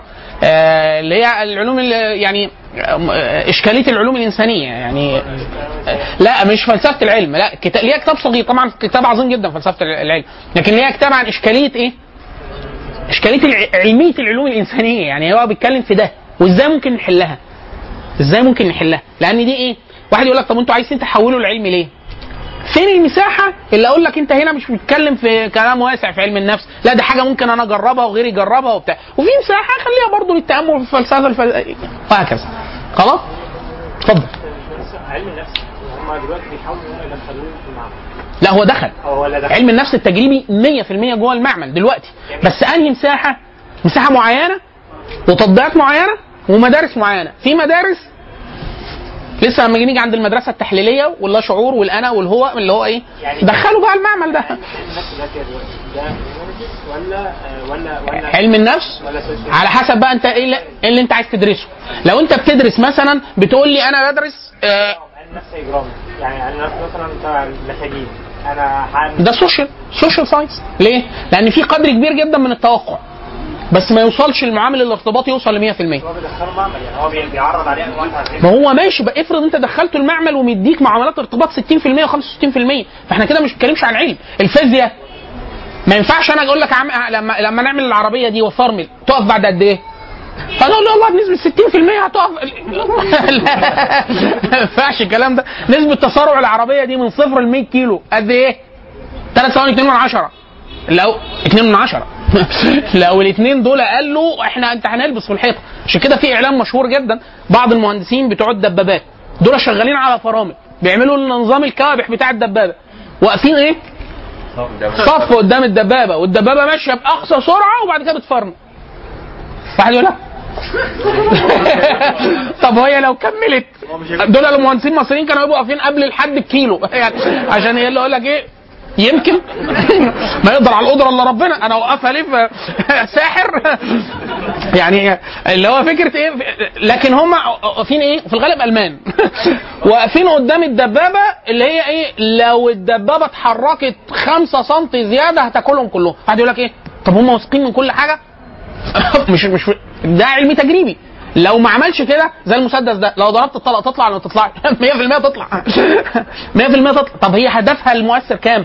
100% كذا كذا. ليه 100% واحد يقول لك إيه؟ طب ما تبلغش. 99 من 10 حلو كده.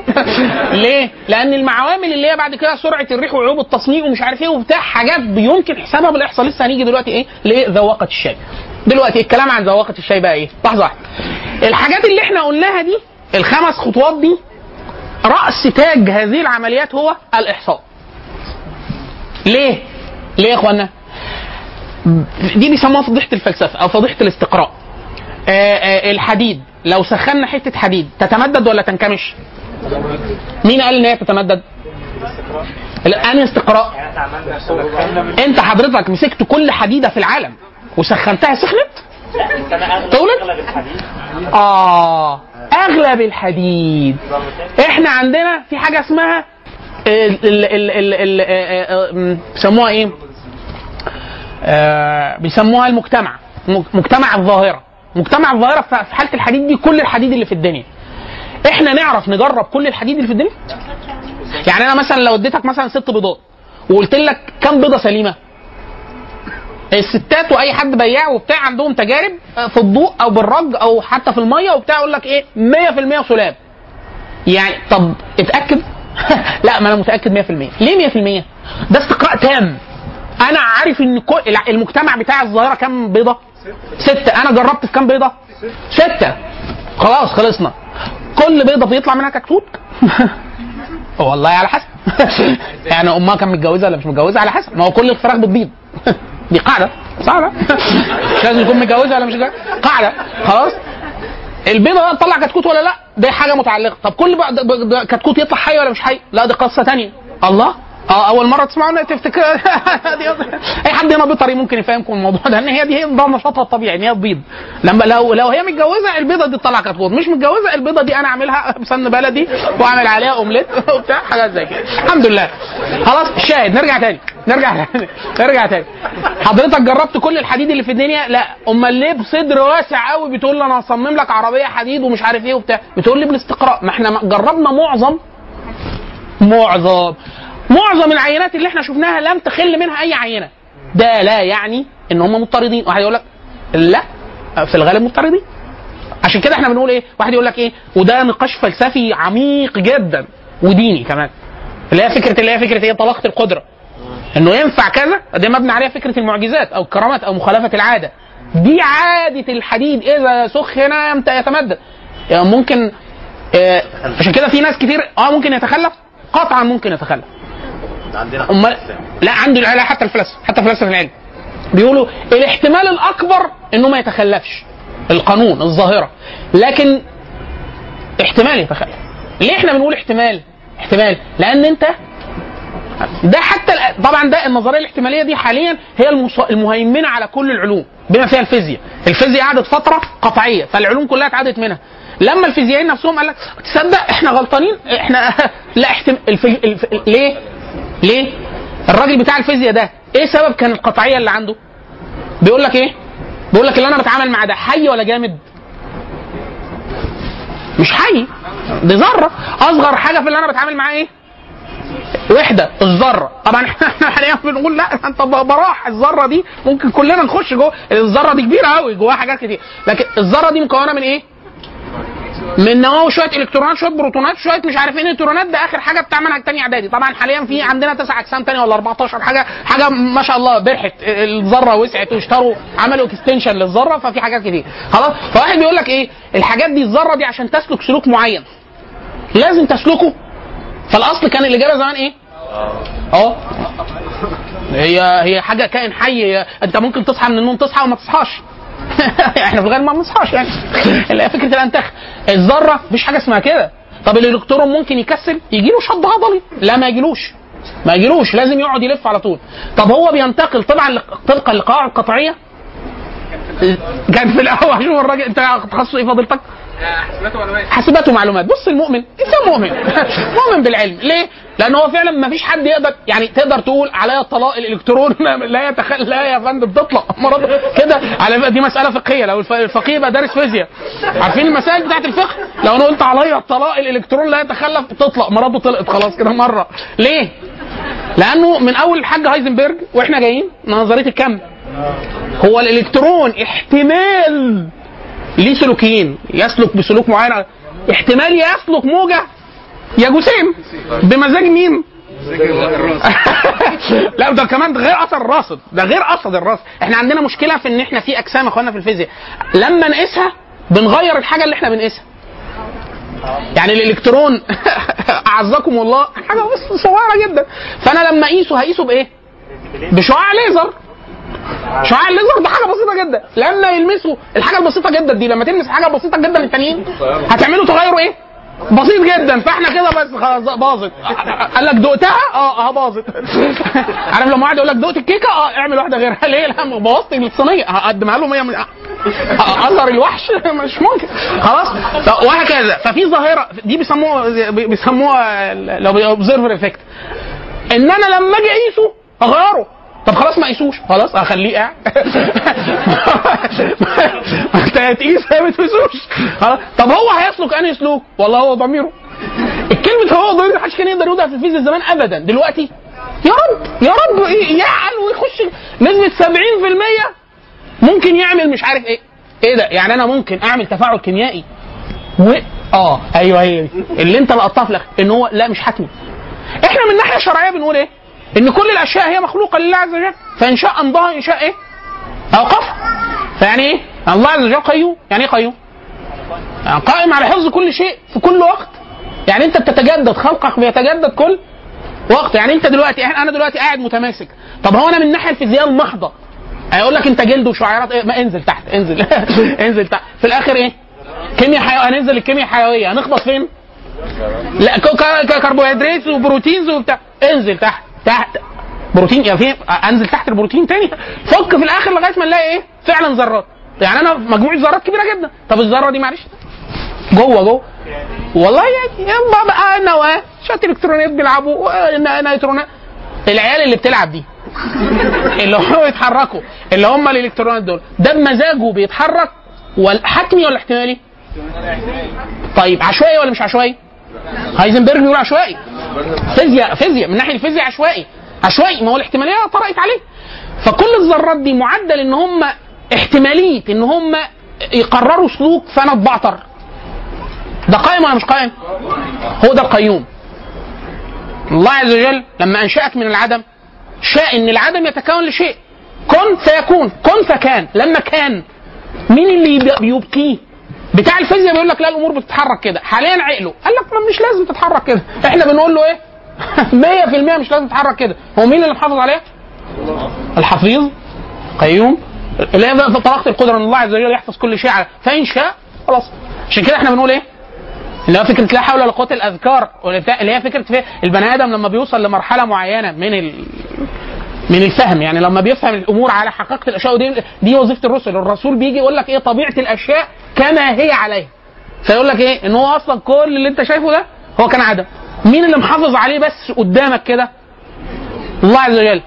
محافظ عليه وسابه لا ما سابوش؟ حتى الحاجات دي أصلا واحد يقول لك يا ربنا رب العزة خلق فيها قوانين وهي ماشية.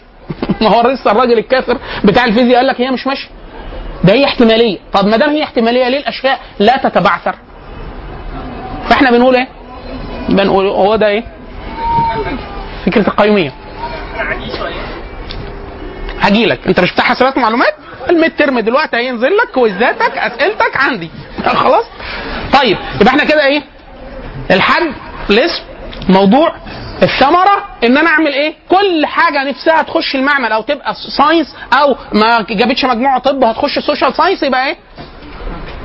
خلاص يعمل ده بس بنسبة إيه؟ نسبة في أقل في الضبط وأقل في التحكم دي ثمرة كل العلوم. إن أنا إيه؟ أكشف اوصف أوصف أفسر أضبط أتنبأ. أو أتنبأ وأضبط. خلاص كده؟ طيب. نسبة العلم النفس لبقية العلوم إحنا بنقول إيه؟ و- و- ونسبة. النسبة نسبة علم النفس لبقية العلوم. إحنا دايما بنقول العلوم علاقة الأشياء ببعضها من الناحية المنطقية الصورية أربع علاقات. إما علاقة التماثل إنهم يكونوا أكني راسم دايرة وعليها دايرة بالظبط هم فوق بعض وده لا يتصور في العلوم ليه؟ لأن العلمين لو هما الاثنين متماثلين تماما أو متطابقين يبقوا إيه؟ يبقى علم واحد وليه اسم- اسمين عارف لما واحد يكون في البيت بيقولوا له إبراهيم وفي بره خالد خالد وإبراهيم ده واحد فده لا يتصور في العلوم وإلا هيبقى إيه؟ علم واحد فالثلاث علاقات الباقيين في العلوم إيه؟ إما علاقة التباين المطلق يعني ما لهمش أي علاقة ببعض خلاص وده من الناحيه الدقيقه جدا متعذر الناحيه الدقيقه جدا متعذر. لكن يتصور كده في العام إن في ممكن علمين يكون العلاقة بعيدة جدا بينهم. ما فيش أي مباحث متداخلة. وفي علاقة اللي هو إيه؟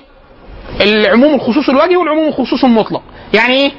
يعني ممكن أنا أكون بدرس فقه فقه فقه كله وفقه القضاء وفقه النوازل وفقه الجنايات. خلاص؟ أو المواريث. فالفرائض لوحدة ده علم والفقه علم. إيه علاقة الفرائض؟ العلم المواريث بالفقه. عموم خصوص كلي كل علم الفرائض كل مباحث علم الفرائض جوه؟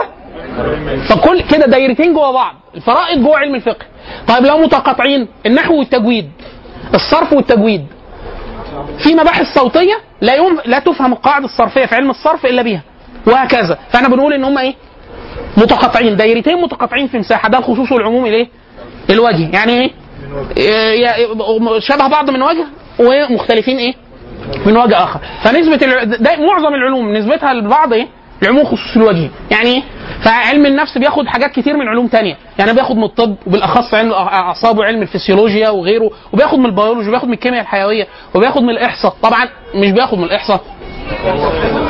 عشان يبقى علم نفس تجريبي إحنا بنتكلم على إحصاء للنهاية. وده اللي هيجرنا للكلام عن ذواقه الشيء. في كتاب لواحد اسمه آه اسمه سالزبورج آه سالزبورج سالزبورج أو سالزبورج يعني على حسب أبوه سماه إيه بقى.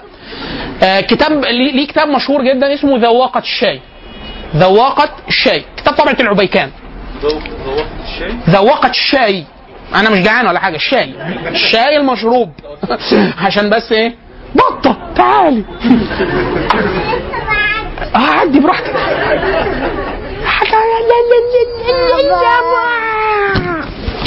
يومنا جت يا اخوانا بس خلاص المحاضرة باظت هتقعدي ساكتة؟ ها؟ طيب طيب إيه موضوع ذواقة الشاي؟ إيه ليه ليه الكتاب كده اسمه كده؟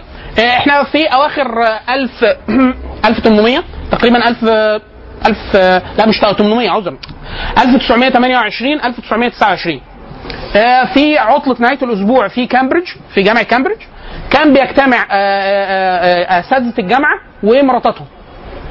في في آخر الأسبوع بيعملوا إيه؟ عايزة تنزلي بطة؟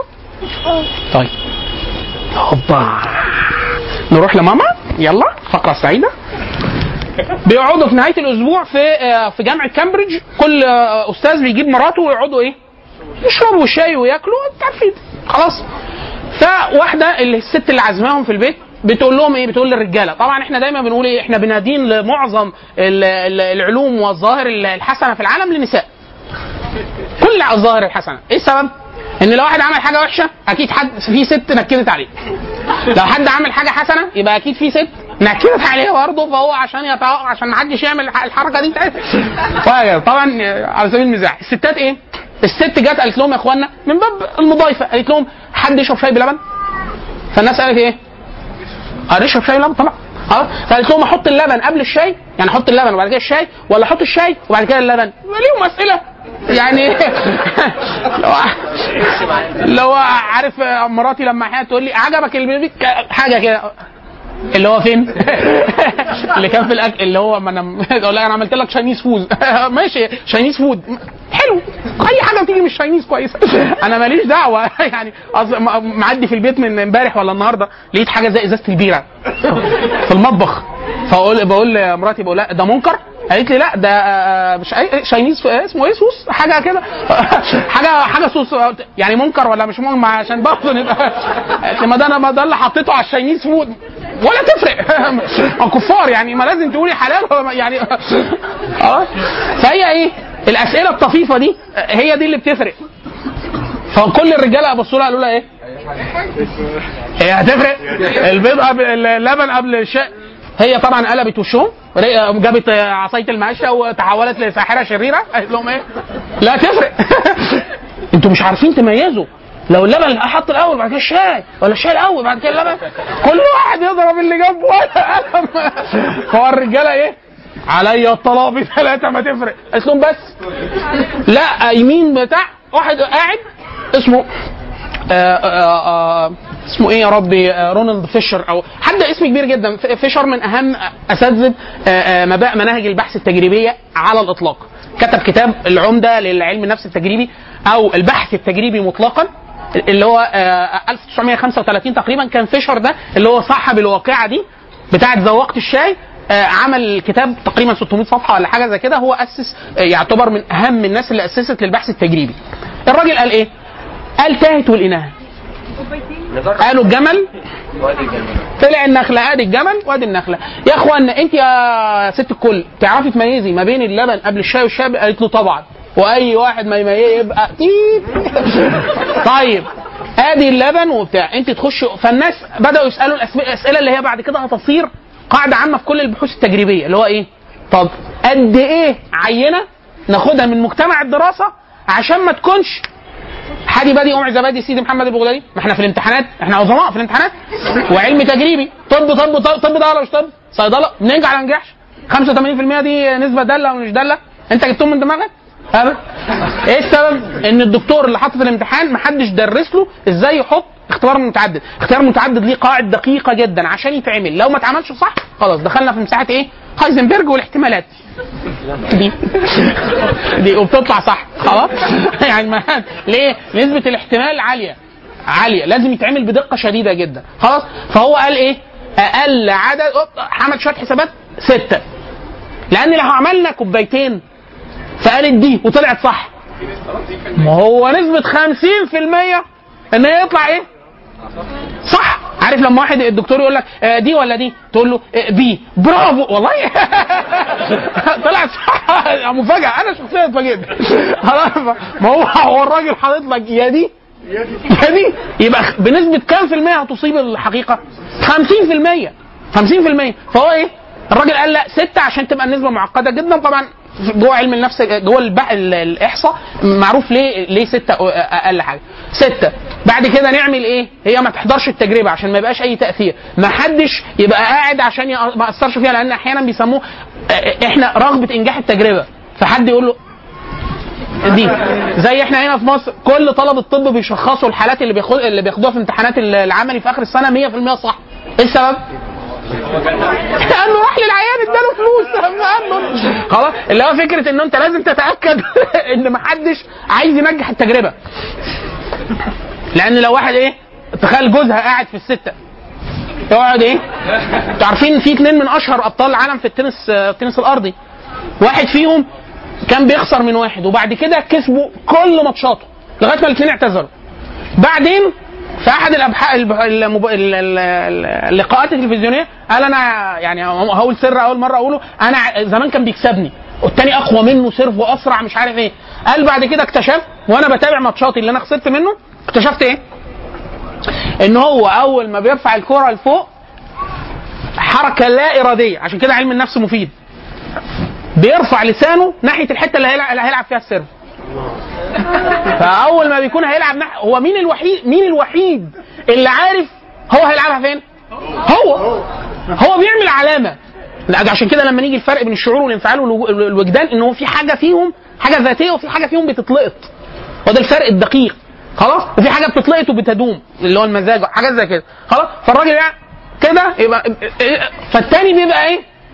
مستعد فبيروح هوب السر كده فقده نص قوته وبتاع وبيكسبه التاني كان يا ابن ال- طبعا ما قالوش غير بعد ما إيه؟ بعد ما اعتزل وهم خد كل الفلوس وخد كل البطولات ونفخوا. حتى التاني بمره بيقول بيقول أنا أنا كنت هتجن كنت بكسبه على طول بعد كده. شعرت للحظة إن هو قاعد جوه دماغي. هو طلع فعلا؟ انت اللي اقطع لسانك حد يعمل له كمامة وهيكسب. خلاص؟ فالشاهد فعملوا التجربة. آه، فيشر طبعا هو اللي عمل التجربة. طلعوا الناس ودوا الست الناحية الثانية هوب ست كوبايات. كل واحدة فيهم إيه؟ شاي قبل اللبن لا شاي نسبة دالة ما يكونوش كلهم. في دكاترة إيه؟ تلاقيه ذكي جدا عامل إيه؟ امتحان. 20 صح 20 غلط. يا ابني ده حتى يتغششوا سهل. يعني إيه؟ لازم تبقى عارف إن أنت في الامتحان هيغششوهم. وهكذا. الغريبة إن الست جابت كل الاحتمالات صح. طلع يفرق ولا ما يفرقش؟ وشك للحيط حي العلم. قص ضوافرك اللي هو إيه؟ طلع كلامها صح 100% واحد يقول لك إيه؟ لا ما ما تبقاش مبالغ. مش لا هو 100% ليه؟ لأن العينة كلها موجودة وجربت كل الشاي بلبن باللبن بشاي ونجحت خلاص تكسبي معاك معانا حضرتك براد هدية خلاص طبعا فيشر بعد كده طبعا العلم كل كل الأبحاث دلوقتي بقت إيه؟ الف ب إحنا بنتكلم عن إحصاء إيه بقى؟ طبعا بعد كده حصل خلل مهول جدا في إيه اللي هو بيسموه الكذب بالإحصاء إن هو أنت ممكن تكذب بالإحصاء نفسها فإيه الإجراءات حتى الإحصائية؟ اللي هو علم كامل اسمه مناهج البحث العلمي اللي هو إزاي تضبط التجربة عندنا مادة كاملة بندرسها في الإحصاء اسمها العينات. إزاي تاخد عينة؟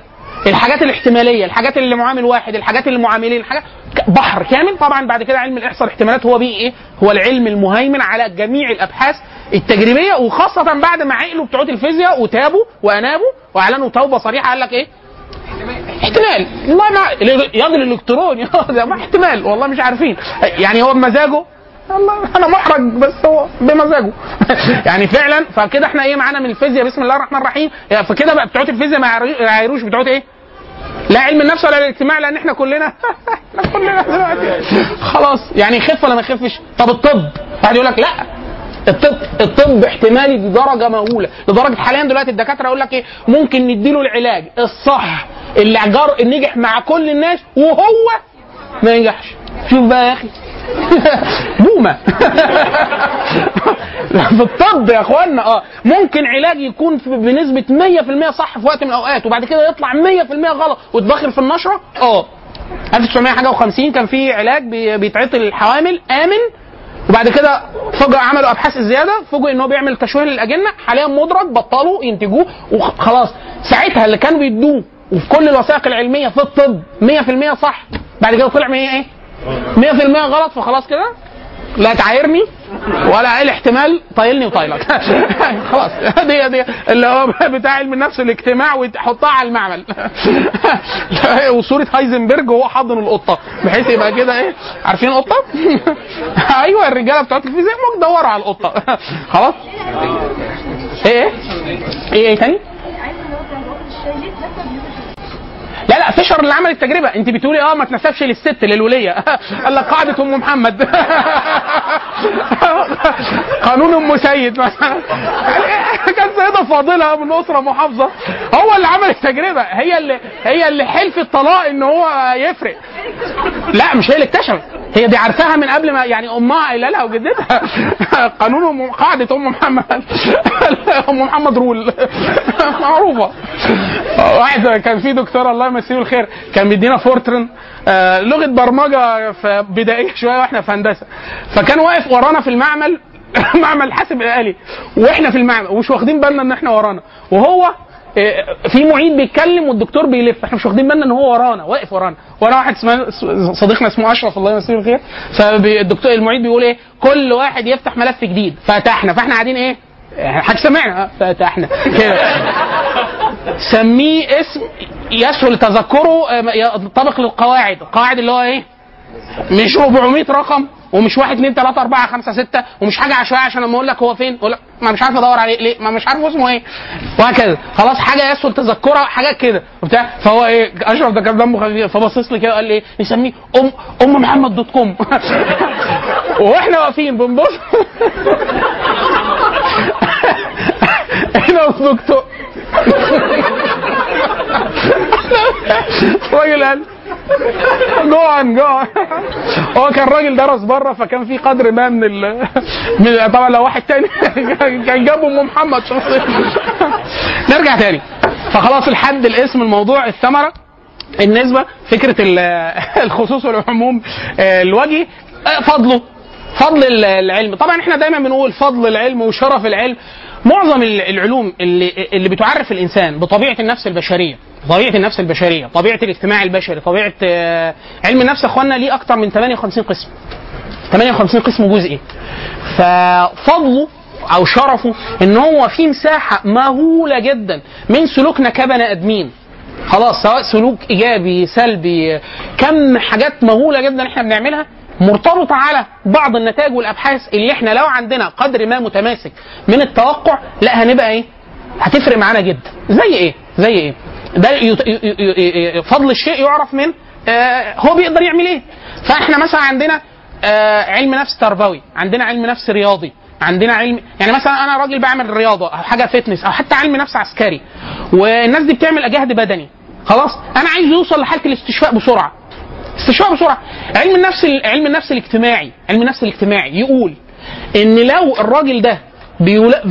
اللعيب المصاب اثنين مصابين بنفس الدرجة بنفس درجة الإصابة مع مجموعة داعمة وعلاقاته حسنة وبيتلقى دعم إيجابي سرعة الاستشفاء بتوصل أحيانا 35 يعني تلك الوقت بيختصر في الاستشفاء أسرع يا بيه أنا بقول لك ده مرض يعني إصابة حاجة بدنية بتاع آه واحد يقول لك طب في واحد عنده مش عارف امراض نفسية يعني في حد بيروح يكشف عند الدكتور الدكتور بيقول له انت عندك قولون عندك قرحة في المعدة يقعد يجرب فيه كل العلاجات ما بيخفش. بتاع علم النفس بيجي يقول له إيه؟ بيقول له لا في إحنا عندنا ظاهر بيسميها سايكوسوماتيه يعني هو نفس جسماني ده هو أصلا الراجل لو شفت إيه سبب إن هو متضايق بالبلدي يعني كده؟ هو طبعا ليه توصيف؟ هنشوفه ده مكتئب ولا عنده مش عارف إيه. هت هتروح. يعني من غير ما اديله علاج مادي؟ آه. طب أديك العكس بقى. العكس. أنت ممكن توهمه إن أنت بتديله علاج ويخف. ال placebo effect أو العلاج بالوهم ده سلبي وإيجابي طبعا. في ناس بتبيع هبيع لك البتاعة دي. آه بتخفف من كذا. طبعا في ناس بتبيع بملايين. حاجات ما بتعملش أي حاجة. هي pseudo science وبسبب إن هو دارس. حاجة اللي هي فكرة العلاج بالوهم إنه ممكن واحد يخف نفسيا مجرد بالوهم أو 75% من الناس بتتأثر بالوهم. واحد يقول لك أنا جربتها في ناس كتير ألاقيها لابسة حاجة معدنية كده. إيه إيه البتاعة دي؟ يقول لك إيه؟ لا أوعى تفتكر ده وهم خرافات لا لا مش إيه دي بقى؟ Power Balance. يعني إيه؟ تبقى ماشي. عارف اللي هو إيه؟ العربيه يقول لك لما توديها تترصرص أو الزوايا عادي كده. ما تخلكش ترف. يعني انت لو انت ماشي سبت الدركسيون ما تحدفش. أنا بتاع ميكانيكا أنا ما أقدرش أفكر غير كده. هي إيه يا دي اللي Power Balance؟ ده اللي اللي زي- اللي زيك والاحسن منك ما ما حصل لهمش balance في حياتهم balance هيجي لك منين؟ فهو هو طبعا يقول لك والله أنا جربتها. ده أنا كان كذا وخفيت. ك... هو صادق. بس مش هي. ده pseudo science يعني إيه؟ هي حاجة وهمية. طبعا إحنا بعد كده هنحيل في المحاضرة يمكن الأخ... قبل الأخيرة أو الثلاث محاضرات الأخيرة على فكرة إيه؟ اللي هو ال pseudo science ال pseudo science بقى علم نفس الخرافة ده أو علم النفس الشعبي. يوه! وده طبعا حاليا بيتباع بكمية مهولة جدا في العالم طبعا مصر. يعني يعني أي أي أي مجتمع بتقل فيه الثقافة العلمية آه، يسهل جدا بيع أي شيء. ليه؟ لأنه ما فيش أي حد ولا أي هيئة ولا أي جهاز ولا أي مؤسسة تقدر بقواعد علمية تشرح للناس إن ده تهريج أو ده أي كلام أو أي حد بما فيها يعني الدولة. طيب ولا أي ولا أي حد زي ما قالت كده. كلمة حد يشار بها لأي كائن فضائي. طيب. إيه؟ لا العلاج بالوهم هو علاج بالإلحاد ولا لا لا. ال- ال- العلاج بالوهم مساحة واسعة جدا يدخل فيه كذا حاجة العلاج بالطاقة وحاجات كتير. لكن منها منها حاجات زي كده. طيب. إيه؟ فضله فضله إن أنت إيه؟ تعرفك على النفس البشرية النفس البشرية. إيه العوامل اللي بتؤثر فيها؟ بتؤثر على انفعالاتك دوافعك غرايزك كل ده بيخليك مساحة استبصارك. بقدراتك أنت كإنسان واستبصارك بالسلوك الصحيح في مساحات قطاعات كبيرة جدا من النشاط الإنساني عالية منها الحاجات الطبية منها الحاجات الإعلامية منها الحاجات التربوية. يعني مثلا لو أنا قلت لك من, ناحية علم النفس إن الطفل لغاية سن معين آه مثلا التعزيز الإيجابي بالنسبة له كويس إن العقاب البدني مش كوي... مش كويس ده ممكن يغير مسار أمة. مجرد معلومة في علم النفس حاجة في التربية حاجة في التدريس أفضل طريقة للتذكر أفضل طريقة للنسيان. أفضل ط... واحد يقول لك طب أنت عايز تنسى ليه؟ ممكن تكون خبرة سلبية. أنا عايز أنساها. خلاص؟ حاجة إيجابية. أنا. بذاكر وعايز أحفظ. ليلة الامتحان وعايزين نلم آخر ثلاث شباتر. نعمل إيه؟ اعمل لي خريطة ذهنية اعمل لي آه، تكنيكس ازود الذاكره قصيرة المدى آه، إحنا عندنا ذاكرة خاطفه وذاكرة مط... آه، قصيرة المدى وذاكرة طويلة المدى. مشك- مش- مشكلة الذاكرة قصيرة المدى طبقا لعلم النفس المعرفي إن هي آخرها سبع وحدات من خمسة لتسع وحدات. فانا لو اديتك سبع اسماء حاجات تحفظهم أكتر هتضيع معظمهم وتفتكر خمسة من خمسة لتسعة على حسب انت إيه؟ تدريبك وملكاتك ودراستك وبتاع. طب أنا عايز ازودهم ل 70 واحد يقول لك مستحيل. هو ده. ده فضل علم النفس المعرفي. ما هو كل علم نفس هم 58 قسم لو مشيت عليهم هو ده فضل دراسة علم النفس الكلي. علم النفس العصبي علم النفس التربوي علم النفس الرياضي علم النفس الإعلامي العسكري ال- الطبي ال- الجنائي حاجات كتيرة جدا. ده اللي بيخليك إيه؟ والنهاردة وإحنا بنتكلم كل ده دخل المعمل. لا مش كله. نسبة دخول ما هو إن هو يخش المعمل دي مش فضيلة، ليه؟ ما هو بيخش المعمل وبيطلع لك معامل ارتباط 60% هو دخل دخل معمل بس مش كل الناس هتعمل كذا، مش كل الظاهر ف 65 أو 60 دي كويس؟ مش مشكلة بس يعني بس مش 100% يعني ما تقدرش تحلف على إنه كذا. لا يعني في الإعلانات. إحنا بنقول إن ده مثلا هيستهدف في الغالب 60% من الشريحه المطلوبة. طب ليه ما بتقولش 100% ما أعرفش. طب إحنا لو قللنا سعر البتاعة دي الناس هتقبل عليها. في- معروف كده. في سلع لو قل سعرها خلاص مبيعاتها تقل جدا. ولا إزاي؟ هي السلعة الدافع. ده بتوع علم نفس الإعلام وعلم نفس التسويق. يقول لك إحنا بنشتري ليه؟ ده سلوك سلوك إنساني. مش إحنا قلنا فعل أي فعل أو قول.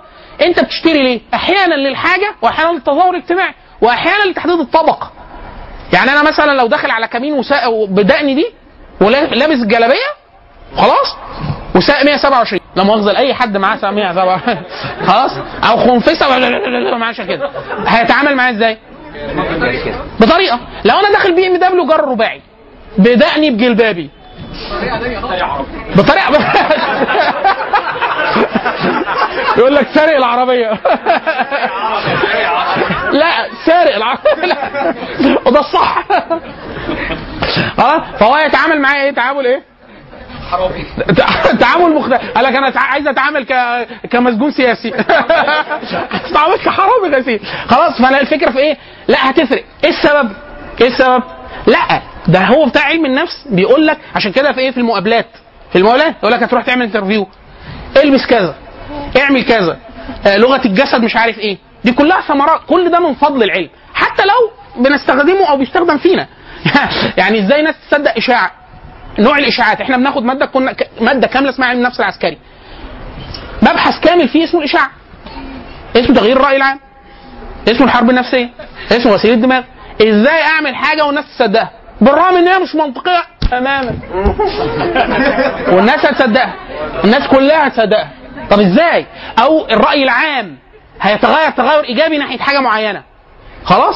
فواحد يقول لك مستحيل. الناس كلها. لا مش كلها. بنسبة تمام على الأقل إيه؟ السفهاء. خلاص؟ وهكذا. ده طبعا داخل في علم النفس الإعلامي داخل في علم النفس العسكري. سلبا وايجابا على فكرة يا اخوانا ليه؟ لأن أحيانا أنت وأنت بتحارب بتمارس ضدك إشاعات مضادة. فهدفها إن أنت تخسر الحرب من غير ما تحارب. فلو أنا مش فاهم ال techniques دي وبعرف أعكسها أو أعرف أثرها إيه فبعمل توعية للفرد بتاعي أنا إيه كده إيه؟ خلاص. والعكس لو أنا عايز أعمل حاجة في العدو بتاعي. عايز اعمله في الشعب بتاعي قصدي في الشعوب ال- ال- المعادية. خلاص فده لا برضه لازم اعرف ال techniques لأنه ده إيه هيجر عليا نفع. لحظة واحدة. خلاص؟ طيب إيه؟ جاي. أنا جاي والله. اهو أنا كل حاجة. ما إحنا لازم في الواضع هنتكلم على ال... طب الواضع إحنا قلنا إيه اول حد بينسب ليه؟ طبعا مفيش كده قاعدة عامة. مفيش علم نقدر نقول إن هي في zero point يعني نقطة صفرية كده بدأ منها العلم. هو بيحصل إرهاصات وتطور فيه روافد مختلفة ومركبة في الغاية في في لما في الآخر دول بيتشكلوا بيصوغوا النقطة اللي إحنا بيحلو لينا بيحلو لينا تاريخيا إحنا زي ويليام فونت. هو مش 1879 ده على الحقيقة من أول الفلاسفة من أول ديكارت ومن أول 1700 الناس بتقول حاجات ينفع تكون لبنة في البناء. إمتى الموضوع تماسك؟ فاحنا بيحلو لينا ان إحنا نحدد نقطه بدائيه بس دي ظنيه لكن إحنا لما بنقول ويليام فونت وإلا آه، فيخنر جوز- آه، جوستاف فيخنر يعتبر إيه؟ وأسبق ليه.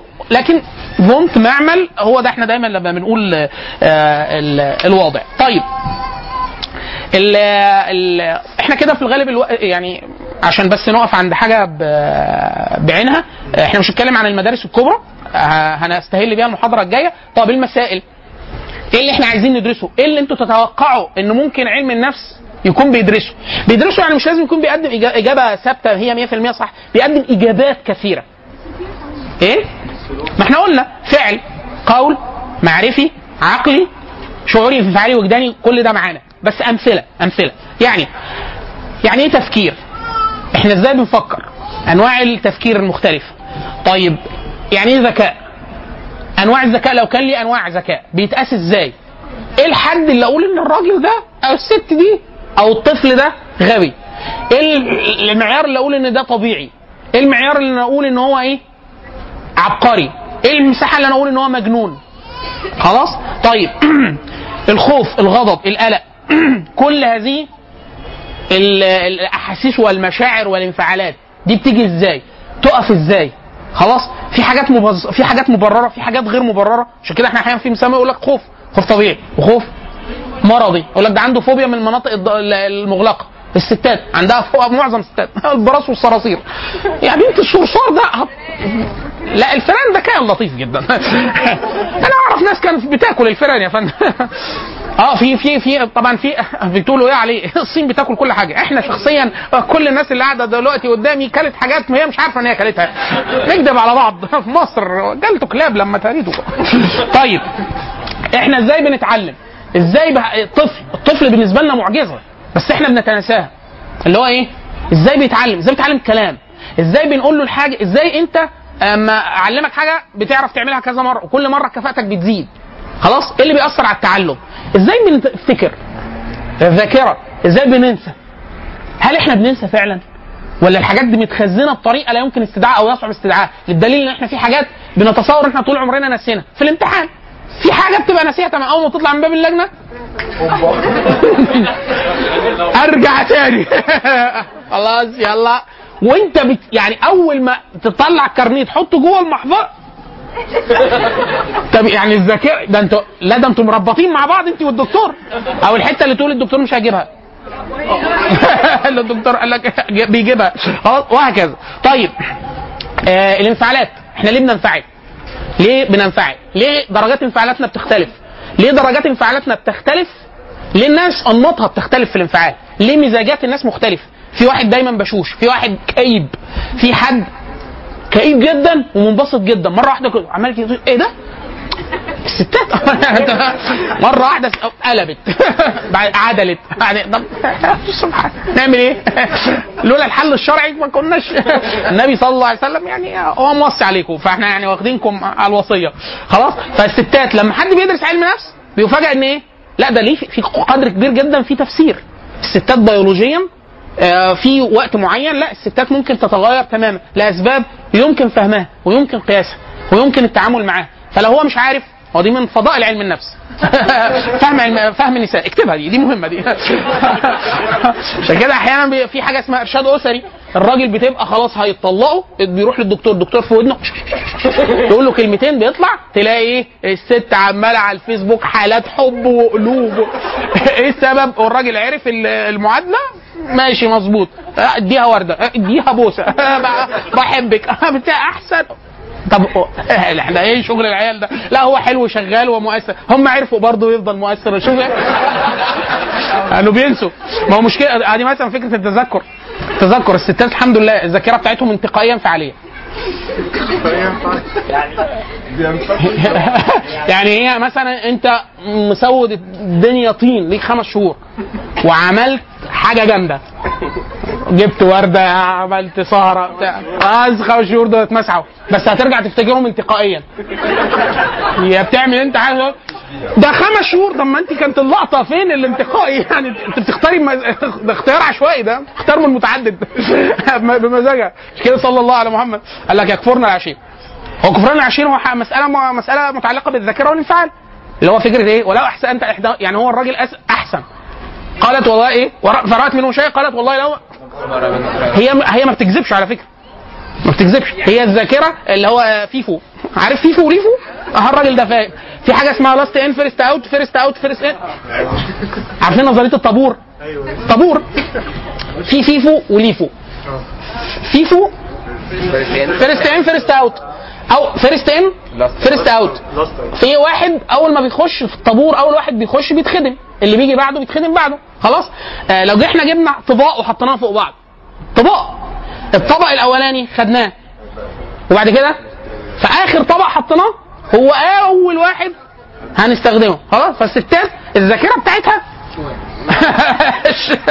يعني إيه؟ ممكن آخر حاجة هي أنت آخر حاجة حطيناها هي بتاع عشان كده إيه؟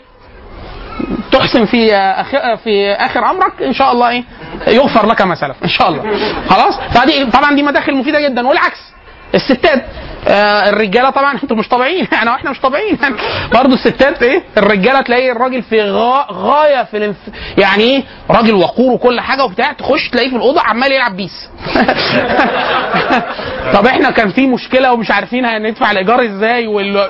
هو بيعمل إيه دلوقتي خلاص هو الراجل سيكولوجيا بيعمل حاجات هايفة كده فأنت ما تاخديش عليه برضه يعني. خلاص الرجالة. فكرة التحمل إمتى بينهار الراجل تلاقيه متماسك جدا مرة واحدة انهار الستات بينهاروا على طول فمش ما, بنقدرش نحدد نقطة انهيار هي منهارة ما يعني ما حصلش إن هي تماسك فأنت مش قلقان هو الراجل قاعد متماسك ونهار فلو ما بيتفهم طبعا ده سيكولوجيا بيبقى كويس فمسائل علم النفس كل هذه المسائل المتعلقة بالثلاث مساحات الكبرى اللي إحنا آه قلناهم. لو حد آه حضراتكم تتكرموا علينا وتقروا تكليفين كده لطاف. آه في كتاب في كتاب اسمه علم النفس علم النفس في 100 عام.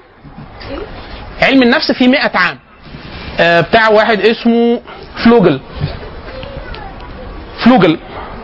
آه فيه لام واو جيم لام. خلاص ده موجود طبع دار الطليعه وهو موجود على الإنترنت. حضراتكم ممكن تقروا لنا من صفحة 13 لصفحة 34 دي الإرهاصات من صفحة 13 ل 34 خلاص؟ وفي كتاب اسمه مدخل إلى علم النفس. كتاب لطيف جدا. أنا شخصيا يعني إيه بوصي بيه كمدخل عام لعلم النفس لكن إحنا عايزين نقرأ منه حاجة بعينها. مدخل إلى علم النفس بتاع عماد عبد الرحيم زغلول وعلي فالح الهنداوي. طبع دار الكتاب الجامعي الإمارات. كتاب اسمه مدخل إلى علم النفس طبعة دار الكتاب الجامعي بالإمارات. بتاع واحد اسمه عماد دكتور عماد عبد الرحيم زغلول واحد اسمه علي فالح الهنداوي. عايزين حضراتكم تقروا لنا من صفحة 27 لصفحة 41 ده هيغطي لنا أنهي مساحة في اللي إحنا قلناه الإرهاصات التاريخية لعلم النفس. لغاية اللي هو المساحة الفلسفية المساحات اللي شبه علمية لغاية حافة المساحة العلمية. هو كتاب آه كتاب آه علم النفس في 100 عام أصلا كتاب لطيف جدا بس مشكلته إن هو في أوائل الثلاثينات 1930 في كتاب مكمل ليه اسمه تاريخ علم النفس الحديث. لو حد عايز يستكمل مرجعين في تاريخ علم النفس مرجعين كاملين. علم النفس في 100 عام اللي إحنا قلناها بتاع فلوجل بس واقف عند 1930 آه مترجم آه. هو اسمه K dot J dot K فلوجل. يعني هو هو أجنبي يعني الكتاب غربي. الكتاب الثاني اسمه تاريخ علم النفس الحديث. ده مكمل لنا لغاية مساحة قريبة جدا من الوقت الحالي. تاريخ علم النفس الحديث للثنائي شولتز. اثنين شولتز في الغالب بيبقى راجل ومراته أو اثنين إخوات بس هو في الغالب راجل ومراته. لأنه في الغربيين بيسموا الستات بعد الزواج باسم عيلة الزوج. فواحد فيهم اسمه دوان شوالتز والتاني اسمه سيدني إيلين شولتز. مش عارف شوالتز ولا شولتز بس في شولتز. خلاص. تاريخ علم النفس الحديث طبعة المركز القومي للترجمة. أي حد طبعا باحث أو طالب أو دكتور أو يعني صحفي أو حاجة بياخد خصم 50% من المركز القومي للترجمة. خلاص. بالكارنيه آه تاريخ علم النفس الحديث بتاع شولتز طبعة المركز القومي للترجمة. ده هو وعلم النفس في 100 عام. لو حد عايز من دلوقتي يكون مراجع الدورة دي كلها على بعضها دول يغطوا له مساحة تاريخ العلم. من أول بيبدأ خالص من الاهراسات الفلسفية القديمة جدا لغاية وقت الناس هذا. آه لو حد عايز مدخل عام وشامل بس مدخل غير يعني حتى غير متخصص لو قراه هيبقى مفيد جدا. اللي أحلنا عليه في الواجب الثاني اللي هو بتاع زغلول والهنداوي. لا لا التكليفين القرائي ده دي دي مراجع لو حد عايز اسمه ارجع التكليفين هم تكليفين بس. صد آه، من 13 ل 34 في تاريخ علم في علم النفس في 100 عام ومن 27 ل 41 في بتاع زغلول والهنداوي خلاص كده. دول إيه هيغطوا؟ آه، كل المساحه اللي إحنا قلناها في التاريخ وكمان المدارس لو حد عايز يقراها قبل ما إحنا نبدأ فيها المرة اللي جاية. إحنا المرة الجاية هنستهل المحاضرة إن شاء الله بالكلام عن ثمان أو تسع مدارس من المدارس الكبرى في علم النفس المدرسة البنائية المدرسة الوظيفية المدرسة الغرضية مدرسة التحليل النفسي المدرسة السلوكية آه، المدر- علم النفس الإيجابي مدرسة تحليل العوامل وبعض ممكن لو طلع في إيدينا مدرسة الجيشتلت الألمانية ال- المدارس الأساسية اللي هو يعتبروا أكبر أسماء وأكبر توجهات في علم النفس هنغطيها المرة الجاية ثم ننتقل إلى آه، آه في آه، طبعا لو حد عايز يقرأ كلام موسع لطيف جدا ما فيهوش أرقام عن الإحصاء. كتاب ذواقه الشاي اللي إحنا احلنا عليه بتاع ديفيد سالزبورج ما إحنا دلوقتي إحنا بنملي مراجع. يعني مش آه، حاجة أنتوا لنقطة معينة. ده لو واحد إيه دايما إحنا بنقول معرفة مظان العلم نصف العلم. لو أنت عارف المرجع كده أنت قطعت نص الشوط.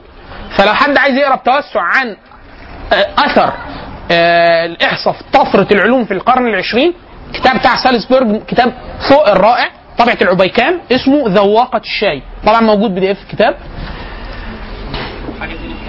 لو عايز حد عايز يقرأ حاجة مكتوبة بلغة أقل جفافا من كتاب زغلول والهنداوي آه، كتاب بسبب إن هو قديم سنة سنة يعني ومعاصر يعتبر طبعا آه، بتاع الدكتور أحمد عزت راجح. الكتاب بتاع اسمه أصول علم النفس طبعة دار المعارف.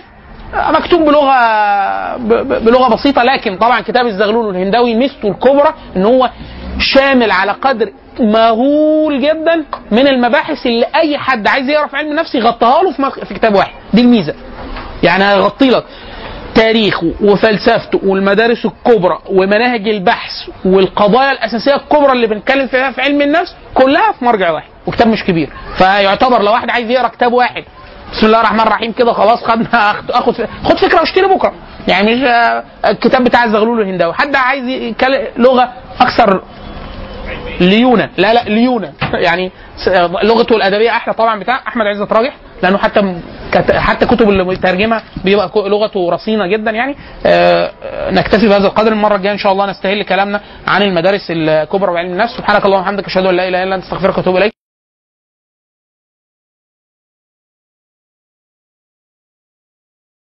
هو